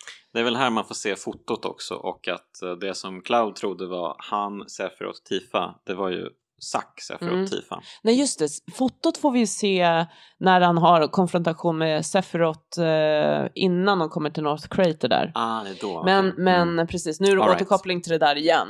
Mm. Ehm, så att vi, vi får se tillbaka vissa scener Mm. eh, där det har varit en blå Shinra-figur med, så vet vi att nu, Just det. Det, det var det som var Så det, var, Cloud. det var liksom en vanlig vakt egentligen i bakgrunden bara, men Ja. det var Cloud liksom. Ja. Mm. Precis, vad är det mer? eh, Ja, det är väl det viktiga man får reda på i den där Ja. historien. Eh, är, får, man, får man höra liksom eh, historien om Zack också? Nej. En, nej, det får man inte. Historien om Zack, den, den är också sån här, hem, det finns mycket hemligheter i det här spelet. Mm. Men det är om du åker tillbaka till Nibelheim när du har kontroll med Cloud sen. Aha. Och går tillbaka till källaren och undersöker de här tuberna. så i biblioteket. Mm, Okej. Då får du hela historien om Zack och Cloud. Att de blev liksom, efter det här eh, att Nibelheim brann upp, då blev de satta i de här tuberna, experimenterade på och sen en dag lyckades de fly. Mm. Eh, då vid det här läget har ju Cloud fått Mako poisoning. Mm. Eh, Zack berättar att men, ju, ber, beskriver hela framtiden de ska ha tillsammans. Mm. Eh, och sen, Ja precis, de ska ju öppna ett företag i Shinra. Han är liksom, ja men du och jag, vi kan fixa ett företag tillsammans, vi kan börja jobba, det är inga problem liksom. Vi kan skaffa vanliga liv och sådär. Ja, precis. Och så de, eh, de, tar, de lyfter med någon tillbaka till Midgar Mm. och där kommer ju Kinas soldater och skjuter ihjäl Zack. Yes. Eh, och Cloud tar hans svärd och hans identitet. Mm. Eh, och sen tar han sig tillbaka till Midgar. Det här är ju liksom, utforskas ju mer i Crisis Core om man har spelat det till Mm. PS, PSP, tror jag. Kanske, jag vet inte. kom typ 2007. Alltså det var länge, Ja. det är länge sedan, men då får man ju liksom mer av Zacks historia. Mm. Eh, och hans relation med Cloud. Jag tyckte det var rätt bra faktiskt, storymässigt. Mm. Mm. Mm. Ja, Nej men så den där, det där är jättelätt att missa. ja eh, det, hade jag, det hade jag definitivt gjort om jag spelat igenom det, det kan jag definitivt Ja. säga. Ehm, men okej, men eh, de åker tillbaka till Shinra i alla fall. eh, efter typ detta. Någon... Nej, du har först eh, när du får tillbaka, du, sen kommer ju Cloud tillbaka, ber om ursäkt till alla och säger att så här, jag har ljugit om vem jag är. Mm. De accepterar det ändå. De är ju verkligen bästa kompisarna de här, det här gänget alltså. De, ja, i det här de, läget. Så, De, de står eh, Cloudby i allt Ja, verkligen. totalt. Rusk och regn, inga problem. Om jag minns rätt så sen så åker de ju tillbaka till Junon för att där har du ju en till huge materia som är undervattensreaktorn. Den här Ah, tyckte jag var väldigt Man åker ubåt. Ja, precis. För att fly därifrån Mm. så åker du ubåt till ett minispel igen som är Mm, ubåtsminispel. Och eh, sen har du tillgång till en ubåt så nu kan du ju utforska världen under vattnet. Det är en av de här eh, extra weapon finns ju under vatten, allra svåraste bossen. Mm. Emerald Weapon tror jag, som har liksom över en miljon i HP. Där har en timer eh, på 20 minuter Oj, för att det är ju under vattnet. Om man inte har en materia som gör att man kan andas under vattnet, som är lite klurig att hitta. vad, vad är högsta level man kan nå? 99? 99. Mm. Så att, eh, okej, och då ska man kunna ta sig an den här super... Nej, det kan du göra saker. innan det, men det beror ju på vad, vad man har för eh, materia skillset, vad du har för vapen Mm. och eh, alltså Kate Sitt har ju också ett eh, lite fuskigt limit break. Mm. Limit break är de här specialattackerna man kan göra. Du har fyra olika nivåer på dem. Mm. Du har två på varje nivå förutom den sista. Det är ett särskilt item som man kan hitta. Eh, jag tror att Kate Sitt har ju liksom en, det är en luck roll på hans limit, eh, jag kommer inte ihåg vilket limit break det är, för jag har inte använt det för att jag blir så irriterad, det är fuskigt. Oj, så Där- bra alltså. Okej. Där, där, han kan, eh, där han kan döda i ett eh, slag oavsett. Mhm. Så man kan använda- Ja, Okej, ja. Men det är, inte, det är ju en chansning. Mm. Annars så har du ju, eh, måste du ju förmodligen använda den mäktigaste sammanmaterian i spelet, vilket heter Knights of the Round. Vilken, den röda sammanmaterian kan man bara hitta om man gör hela Chocobo Breeding Sidequestet. Okej. eh, och eh, för att när man breedar Chocobos så får du Okej, det här blir bara en eh, passus här, men grö- grön och blå chocobo. Du kan, med blå, blå chocobo så kan du gå på vatten, grön chocobo så kan du gå upp på berg Mhm. och över så. Svart chocobo kan du göra båda det, guld chocobo så kan du gå upp överallt. Och det finns en ö längst upp på kartan som du inte kan landa med med eh, high wind. Du måste ha guld chocobon för att ta dig dit. Okej. Man kan också vinna guld chocobon i Battle Arena tror jag. Men Mm. eh, där finns den här Knights of the Round som gör, det är typ 13 eh, attacker eller något sånt. Som är, det har evigheter att göra. ah, du, det finns så mycket Oj, oj. Eh, grejer med det här. Men Mm. eh, ja. Men, men exakt. hur som helst, de tar sig i alla fall tillbaka till Shinra eh, någon gång. Eh, och Mm. eh, då har de värsta eh, uppgörelsen med Hojo och company. Ehm, Precis, det är ju väldigt roligt att ha med sig Vincent i den fighten. mm, För han har ju en särskild relation till Hojo. just det. Så att de har lite extra dialog. Och innan det här händer så har väl Rufus dött tror jag. Eh, de har väl Nej. avfyrat eh, vapnet, sitt supervapen, eh, på ett weapon. Ja, det, det gör de ju i, ehm, alltså de gör ju det i Junon, men sen när man kommer tillbaka, innan man kommer tillbaka till Midgar så tror jag att de skjuter en också. Och Mm. i samband med det, det skottet är så kraftfullt att det också spränger den här barriären som hamnat på North Crater. Mm. Ehm, de, har ju en, de har ju en vända till Cosmo Canyon och i uh, Forgotten Capital, alltså det här Mm. mm. Ancient-stället också. Mm. Mm. Ja, precis. Mid, men Midgar Return, den är väldigt eh, klimaktisk för hela... Mm. Jag tror att Rufus dör i slutet på den, hela den sekvensen, för då spränger... Eh, då kommer det väl en, en attack från Weapon rakt in i allra högsta tornet i Shinra Building. Mm, mm, och precis, där han är. precis. Ja, det är då, så han så det, Mm, det sprängs. mm. Men man får ju inte se honom dö. Och i Final Fantasy 7-filmen som kom sen så lever han ju fortfarande. Jaha, det är klart han gör det ja. ja, ja. Ja, ja. Men precis, det är, väl, det är väl den sista biten innan man faktiskt, liksom, nu tar vi oss tillbaka och slåss mot Sephiroth eh, i North Crater. Ja, och eh, när man har gjort upp med Hojo då, eh, han har ju också injicerat sig med Genova-celler eh, för den fighten. Mm, Okej, anything nej, goes nej men alltså han är Crazy! Crazy Scientist-karikatyren, ja. Ja, eh, Ja. den, eh, den uh, acear han verkligen. Mm. Eh, men ja, eh, nu har vi hållit på nästan två timmar. Vi måste Oj, komma ja. till slutet nu känner jag. Eh, ja, slutfighten, let's go there. Ehm, Mm. Precis, den här uh, smällen då från supervapnet som Shinra har har alltså förstört den här barriären ovanför North Crater. Gänget kan ta sig dit. Eh, de slåss mot en massa olika Genova-varianter. Varianter, ja. Och sen till slut då, äntligen, äntligen, äntligen efter jag vet inte hur många timmars speltid så har man Mm. nått fram till Sephiroth. Mm. Och den allra sista fighten är ju bara one-on-one, Cloud och Sephiroth. Mm. Och det är ju egentligen bara Clouds eh, limit break. Så den är, den är ju, det. beror på hur man ser det, det kan ju vara lite antiklimaktisk. Eh, jag gillar den för att det är bara dem i ett liksom en mörkt eh, Mm. hål. Men du kan typ inte förlora den Nej. fighten. Nej. även om man inte har Omnislash, alltså Mm. hans sista limit break, så kommer han göra den ändå. Mm. Just det, men uh, fighterna innan, uh, då är det De ju är ganska två, svåra. Då är det två faser om jag inte helt ute och cyklar. Ehm, Av eh, och, Sephiroth, ja. ja, och eh, vad kallar man honom? Safer Sephiroth i den andra fasen. Det är väl den som har One Winged Angel tror jag. Den här Mm. ikoniska eh, Mm, fight, ja, och musiken, ja. musiken. Ja. Mm. ja. De är ju svåra. ja, de är svåra. Absolut. Eh, jag minns att eh, jag fick eh, ladda om eh, säkert 20 gånger för det Oj, där. Jag tror jag var väldigt underlevlad för att jag Ja. ville bara komma, bli klar med det. Ja, jag, jag förstår. Han Ja. är ju absolut inte lika svår som de här specialbossarna som finns i världen. Men, Mm. eh, Ja, de har jag nog inte ens försökt mig på tror jag. nej.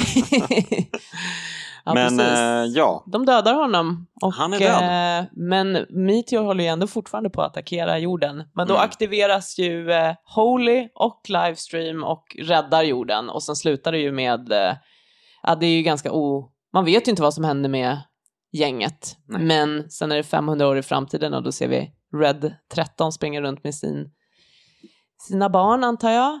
Så det, han kanske inte var den sista av sin ras då. får hoppas det. Eller så kanske han Ehm. lyckades para sig med en människa som Hojo ville. Ehm, just vem vet? Eh, ja precis, och så en jättefin bild av Midgar övertäckt av gräs. eh, Ja, den här liksom postapokalyptiska... Precis, här, nu har naturen tog tillbaka allting. Mm. Alltså Det det är ju väldigt väldigt, eh, det är väldigt relevant eh, Final Fantasy 7 eh, idag nu när... Ja, verkligen. Men, Med tanke på miljötemat och så liksom. Mm. Ja, ehm, wow, det, det var en uh, Mm, det var- resa det var här. en recap. Oj, oj, oj, oj, oj. Eh, ja, uh, egentligen så, ja men uh, vi kan väl, uh, vi kan väl bara stanna vid några snabba grejer så här. Mm. Favoritkaraktär, har du någon sån? Alltså min eh, favoritkaraktär, förutom Cloud, mm. eller? Mm. Eh, så ja, jag tyckte väldigt, väldigt mycket om Iris också. Mm. Men det, jag, jag hoppar mellan olika, ibland så gillar jag verkligen Jaffy, fastän hon är så himla basic. Eh, men eh, jag kan också gilla Rufus Shinra som otroligt pragmatisk bad guy. Mm. För att ibland så är de ju på samma sida. Jag tycker sånt alltid är roligt om man kollar på film eller ser någon tv-serie mm. där du mm. har du har måste, två sidor som egentligen borde vara motsatta måste göra eh, gemensam sak. Precis, ja. uh, Sephiroth blir ju ett gemensamt hot mot uh, både mm. uh, Shinra och uh, Cloud och Company. Men um. du, alltså Sephiroth är ju kanske eh, den bästa Final Fantasy-skurken eh, någonsin. Det är ju så många, det här är ju så många lager i honom. Mm. Det, var intressant du sa där i början att eh, Cloud får man liksom skala av under resans gång vem han är egentligen. Det är som att Cloud och Sephiroth har motsatta resor egentligen i den mm. Ehm, mm. Eh, hur man bygger upp de karaktärerna. Mm. Ja, det, Kefka i Final Fantasy 6 också väldigt, väldigt bra, men han är lite mer av en finger i munnen onding. Ja, en one-note character. Men jag, mm. jag, kan gilla den typen av karaktärer. Jag, jag, mm. jag, gillar nog faktiskt Kefka mer än Sephiroth faktiskt. Eh, mm. Det är nog min favorit uh, Final Fantasy-skurk. Um, De är väldigt bra båda två på helt olika, uh, helt olika sätt. Kefka är ju mm. lite mer av en Jokern-skurk. Mm. Ja, det är sant. Han är ju verkligen en karikatyr på Jokern ja, på många sätt. Ja. Men mm. Sephiroth är ju inte riktigt, han är ju inte ond för sakens skull. Han tänker inte sig själv som det. Han har ju inte, han har ju, han har ju gått så beyond mm. att vara mänsklig. Eh, ja, så. nej men eh, precis. Han har ju verkligen fått en knäpp där när han läser sig till allting, ja. hur det ligger till. Jaha, okej, det är ja, den här eh, förlorade, upphöjda rasen, mm. det är mm. klart att det är en del av dem. Och sen så inser väl han också att han egentligen eh, är Genovas eh, barn. Så att, mm. eh, och då blir man kanske ännu eh, mer upphöjd. Liksom. Oj, ja. den varelse som kommer från rymden till jorden. Mm. Ja, men det är ju en gud, jag är en gud.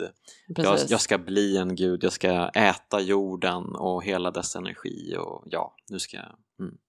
Men alltså Cloud är ju också en otroligt spännande hjälte. Mm. Båda de två, eh, de är ju så ikoniska, men för han är från, från alltså, om man bara tittar på dem så ser de ju liksom bara ut som Final Fantasy-karaktärer. Mm. Men som du sa förut, han är en opolitlig berättare. Det skapar något väldigt intressant med en som spelare när man helt plötsligt inte kan kontrollera honom. Mm. Eller, mm. eller han gör något som jag inte vill att han ska göra. Jag vill mm. inte att han ska döda Eris. Vad fan, liksom. Mm. Det här är ju mina två favoritkaraktärer. Du, du skapar, det, var, det är jättejobbigt och sen helt plötsligt så är han inte ens med. Eh, och han han är borta liksom och han är inte den han sa att han var. Eh, så det, det skapade verkligen någonting spännande. Mm. När jag spelade första gången, det, fortfarande det, han, det gör honom så otroligt intressant och inte bara som en brute eh, legosoldat som han, som han framstår från början. Han är ju fortfarande den, han har ju fortfarande den coolheten efter att han visar sig vem han egentligen är. Ja, eh, precis. Jag var ju, när jag spelade första gången så blev jag ju väldigt irriterad på honom för att mm. han var så himla eh, standoffish och eh, liksom det är bara jag som gäller. Jag litar inte på någon. Uh, yeah. Ja, alltså fuck you liksom. Mm. Det, det, jag gör min grej liksom. Mm verkligen super-emo eh, på många sätt. Eh, men, ja. eh, och sen så ja, inser man ju att det döljer sig någonting under ytan. Han har så mycket svagheter att det, det är det som är så intressant, att han tror att han är en klon av Sephiroth för att mm. han, han kan inte förklara hur han annars skulle vara så svag mm. på något sätt. Och det är ju det som gör honom så mänsklig. Mm. Så medan den, eh, den som är stark, det är den som inte är mänsklig. Mm. Här den, den som är mänsklig är den som är svag, eller vad man ska säga. Men han, ja. Han, ja. Mm, mm. Eh, men det, så de har väldigt många, de har en spännande dualitet hela tiden. Mm. Som gör, eh, utan den andra, ena skulle den andra inte finnas nästan. Mm. Vad har du själv för favoriter? Uh, ja, um, det blir kanske, det blir ju framförallt de som känns mest uh, fucked up på så sätt. Mm. Uh, jag gillar ju Sid väldigt mycket för mm. att han är så konstig i sitt uh, hat mot uh, Shera tror jag han ja, heter. Mm. exakt. Och sen, jag läste mig till då att han kanske i någon sorts uppföljarfilm så får man veta att de har gift sig. Mm. Uh, vilket jag tyckte var lite konstigt. Um, ja, mm, ja, det känns ju ännu mer ofräscht då. Ja, exakt. Där. Så att, uh, ja. Uh, men, och det är också en anledning till att han ändå blir en intressant karaktär. Det är så himla mycket konstigheter som händer där. Mm. och han... Ja men man, man ska ju inte gilla Sid men man gör det ändå. Det mm. är på något sätt en bra karaktär, um, tycker jag. Um, och eh, även om man tänker att de borde tona ner vissa saker när mm.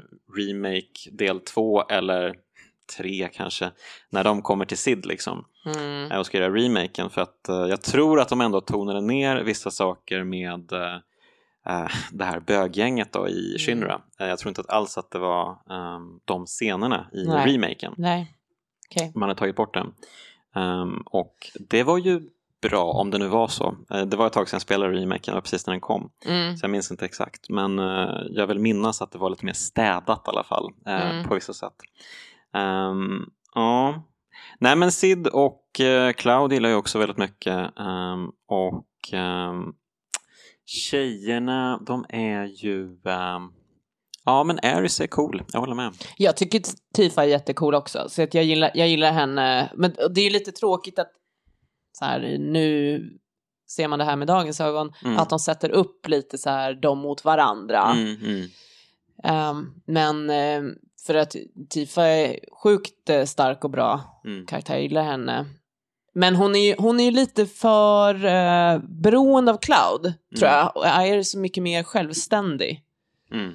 Ja men precis, uh, man får, jag fick aldrig liksom riktigt intrycket att Aris var kär i Cloud. Um, Mer än att hon... Um, jo, kanske... hon är ju mer på honom än vad han är på henne. Jaha, är det så? Ja, Okej, ja, ja, absolut. Då... Hon säger ju men du ska vara min bodyguard och du eh, ska vi gå på dejt och bla bla.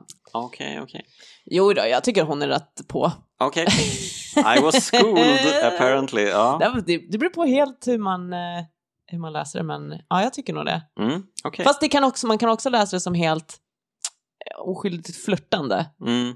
Ja men det, det kanske är så jag ser det, uh, precis. Att uh, det behöver inte vara just Cloud. Hon kanske bara, ja, ja men vi har lite en flört på gång, vi är lite kul sådär. Men Tifa är ju lite intressant för i början så känns det som att hon är liksom väldigt klängig på Cloud mm. och sen mm. i, i, på skiva två då när man får se att hon ju inte ens minns hur, han var, hur relationen var. Hon var ju liksom populära tjejen i mm. gruppen mm. och han fick typ inte vara med. Mm. Han skulle åka till eh, Soldier för att imponera på henne så att han skulle bli sedd. Just det. Och hon inser att, aha, vi var kanske inte barndomsvänner. Det är bara att vi hade det där mötet på, um, ja, den där natten. Mm. Och eh, efter det, han gjorde sånt intryck på henne då så det är som att hon har också skapat sina egna minnesbilder om att de var i barndomsvänner. Just det. Um, men det jag vet är inte, de inte riktigt. Det, det fanns någon flashback-bild när man får se Tifa som liten. Uh, ja. Hon sitter med ett gäng eh, killar tror jag det är. Ja, precis. Det är när man är i Clouds undermedvetna. Just det, och så ser ja. man Cloud nere på gatan typ och tittar ut genom fönstret mm. eller något sånt där. Ja. Um,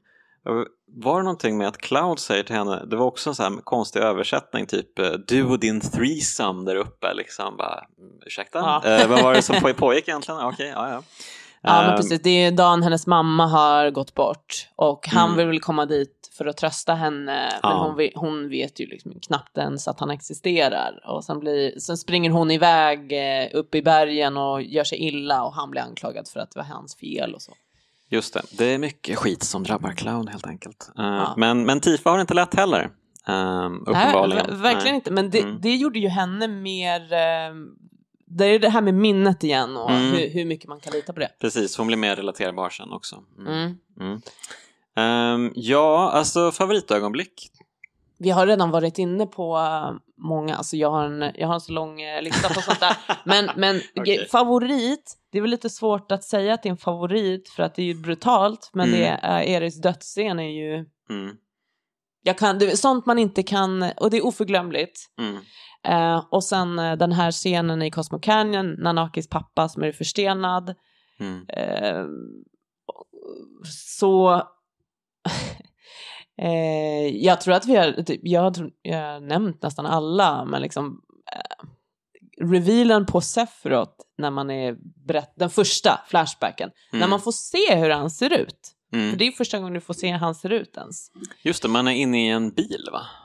Ja, Ja. precis. Så är silver-outfiten är super, eh, supercool. Jag vet inte om det är samma flashback eller om det är nästa flashback, men när man får se allting, när Cloud kommer ut från det här Shinra-biblioteket, eh, Mm. eller ja, och han upptäcker att Sephiroth har torchat stan. Ja. Och då kommer man ner, då springer man ner och ska hjälpa till och Ja. då kommer en full motion video-sekvens där man får se Sephiroth vänder med sig elden så Ja, här och han shit, alltså, det går in i elden och försvinner. Det är ju ett Den ikoniskt är, ögonblick. Det är den verkligen. Mm. Det är läckert. Mycket bra.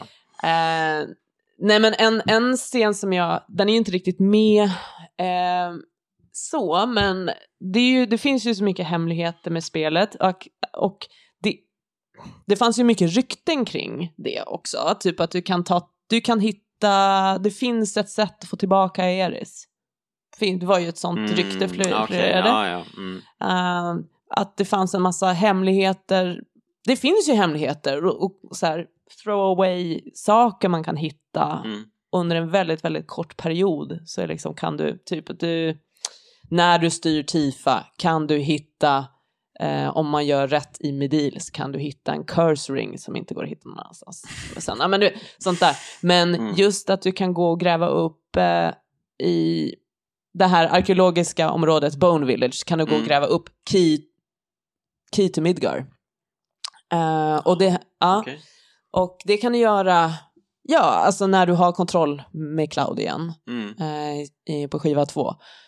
Och då kan du komma tillbaka till sektor 5. Mm. Som, det kan man ju inte göra på något annat sätt. Eh, du, när du kommer tillbaka till Midgar sen, då Mm. kommer du tillbaka till eh, typ nästan övre delen av, det är ju an, det är en annan sektor, jag tror att det är sektor 1. Eh, Ja, nej, i slutet där. Ja. Mm.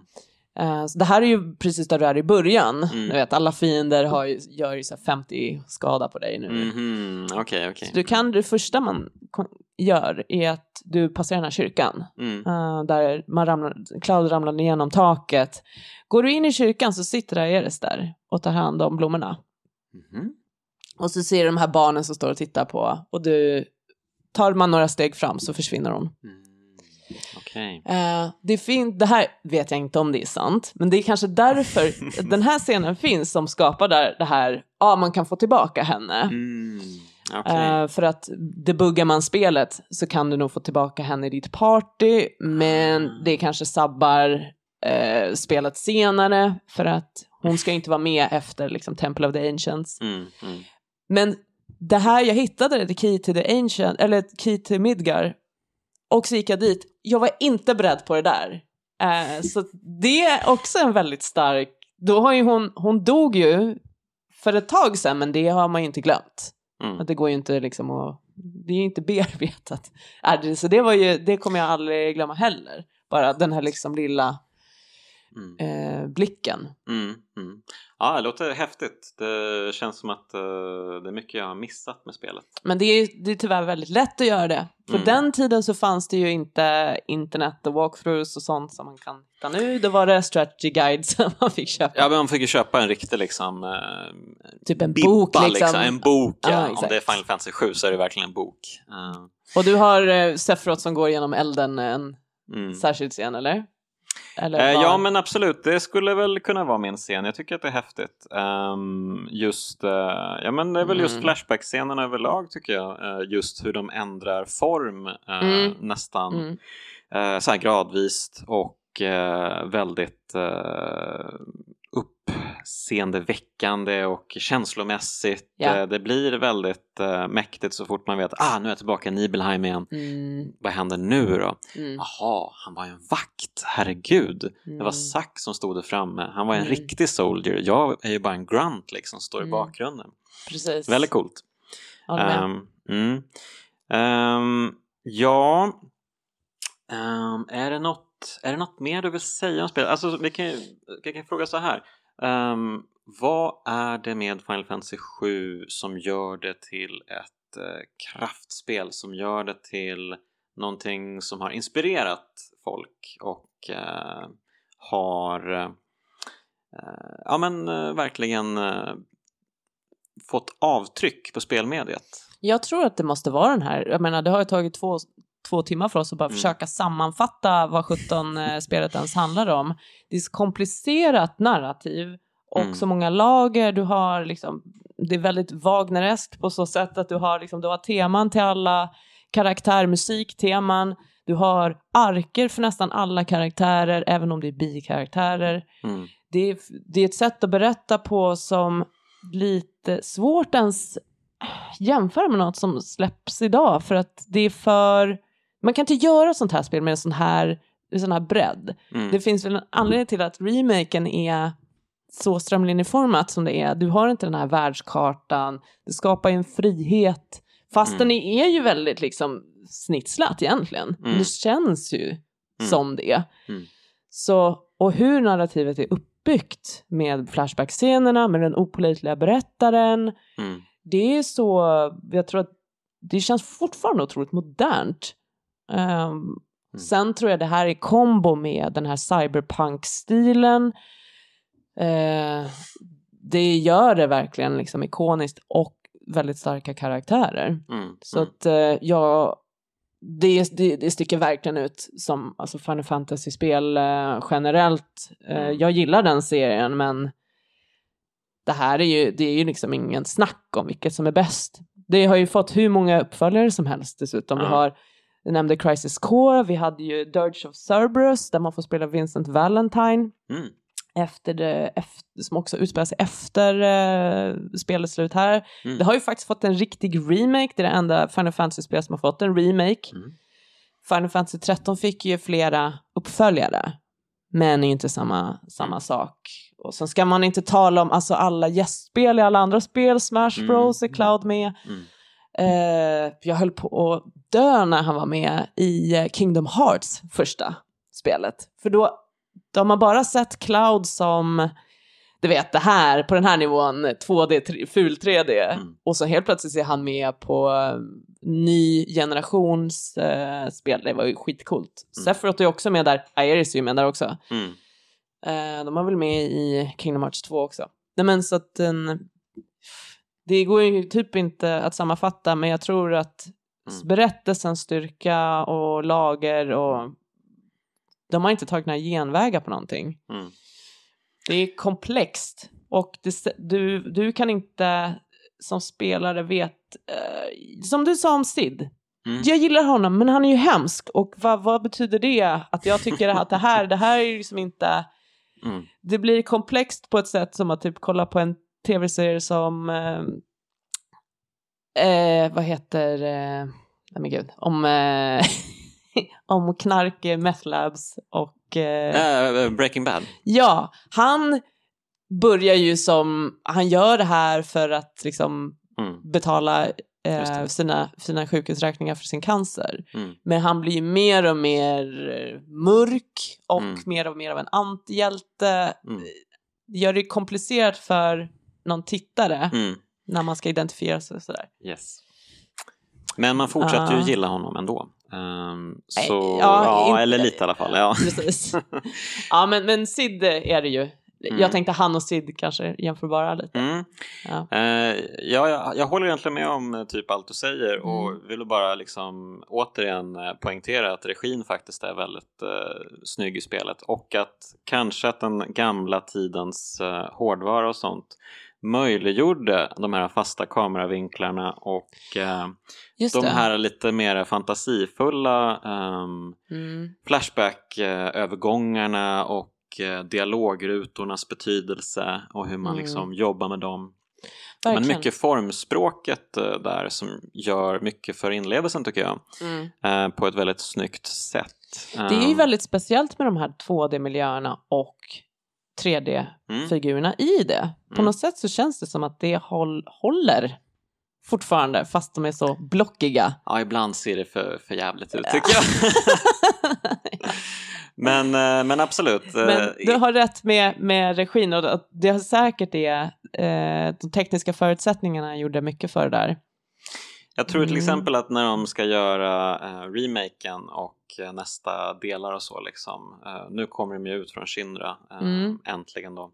Och då vet man ju inte riktigt hur de har tänkt sig lägga upp det. Om det blir open world. Jag antar att de måste göra open world ändå. Eh, Jag vet fast inte. Jag, kanske avgränsat. Att man inte får hela världen utan att man kanske får en bit av den. Och sen så kommer mm, remaken del 3 och del 4 kanske. Ja. mm, Jag vet ja, vi, inte. vi får se. Men jag håller med, regin och dramaturgin i spelet är ju ja, otroligt imponerande fortfarande. Mm. Ja, ehm, ja eh, vi kanske ska nöja oss där. Eh, har vi benat ut Final Fantasy 7? Jag tycker det. Jag tycker att det blev hyfsat uh, utbenat. Ja, jag tror att eh, jag, precis, eh, det är svårt att säga så här, vad handlar det här om i två meningar?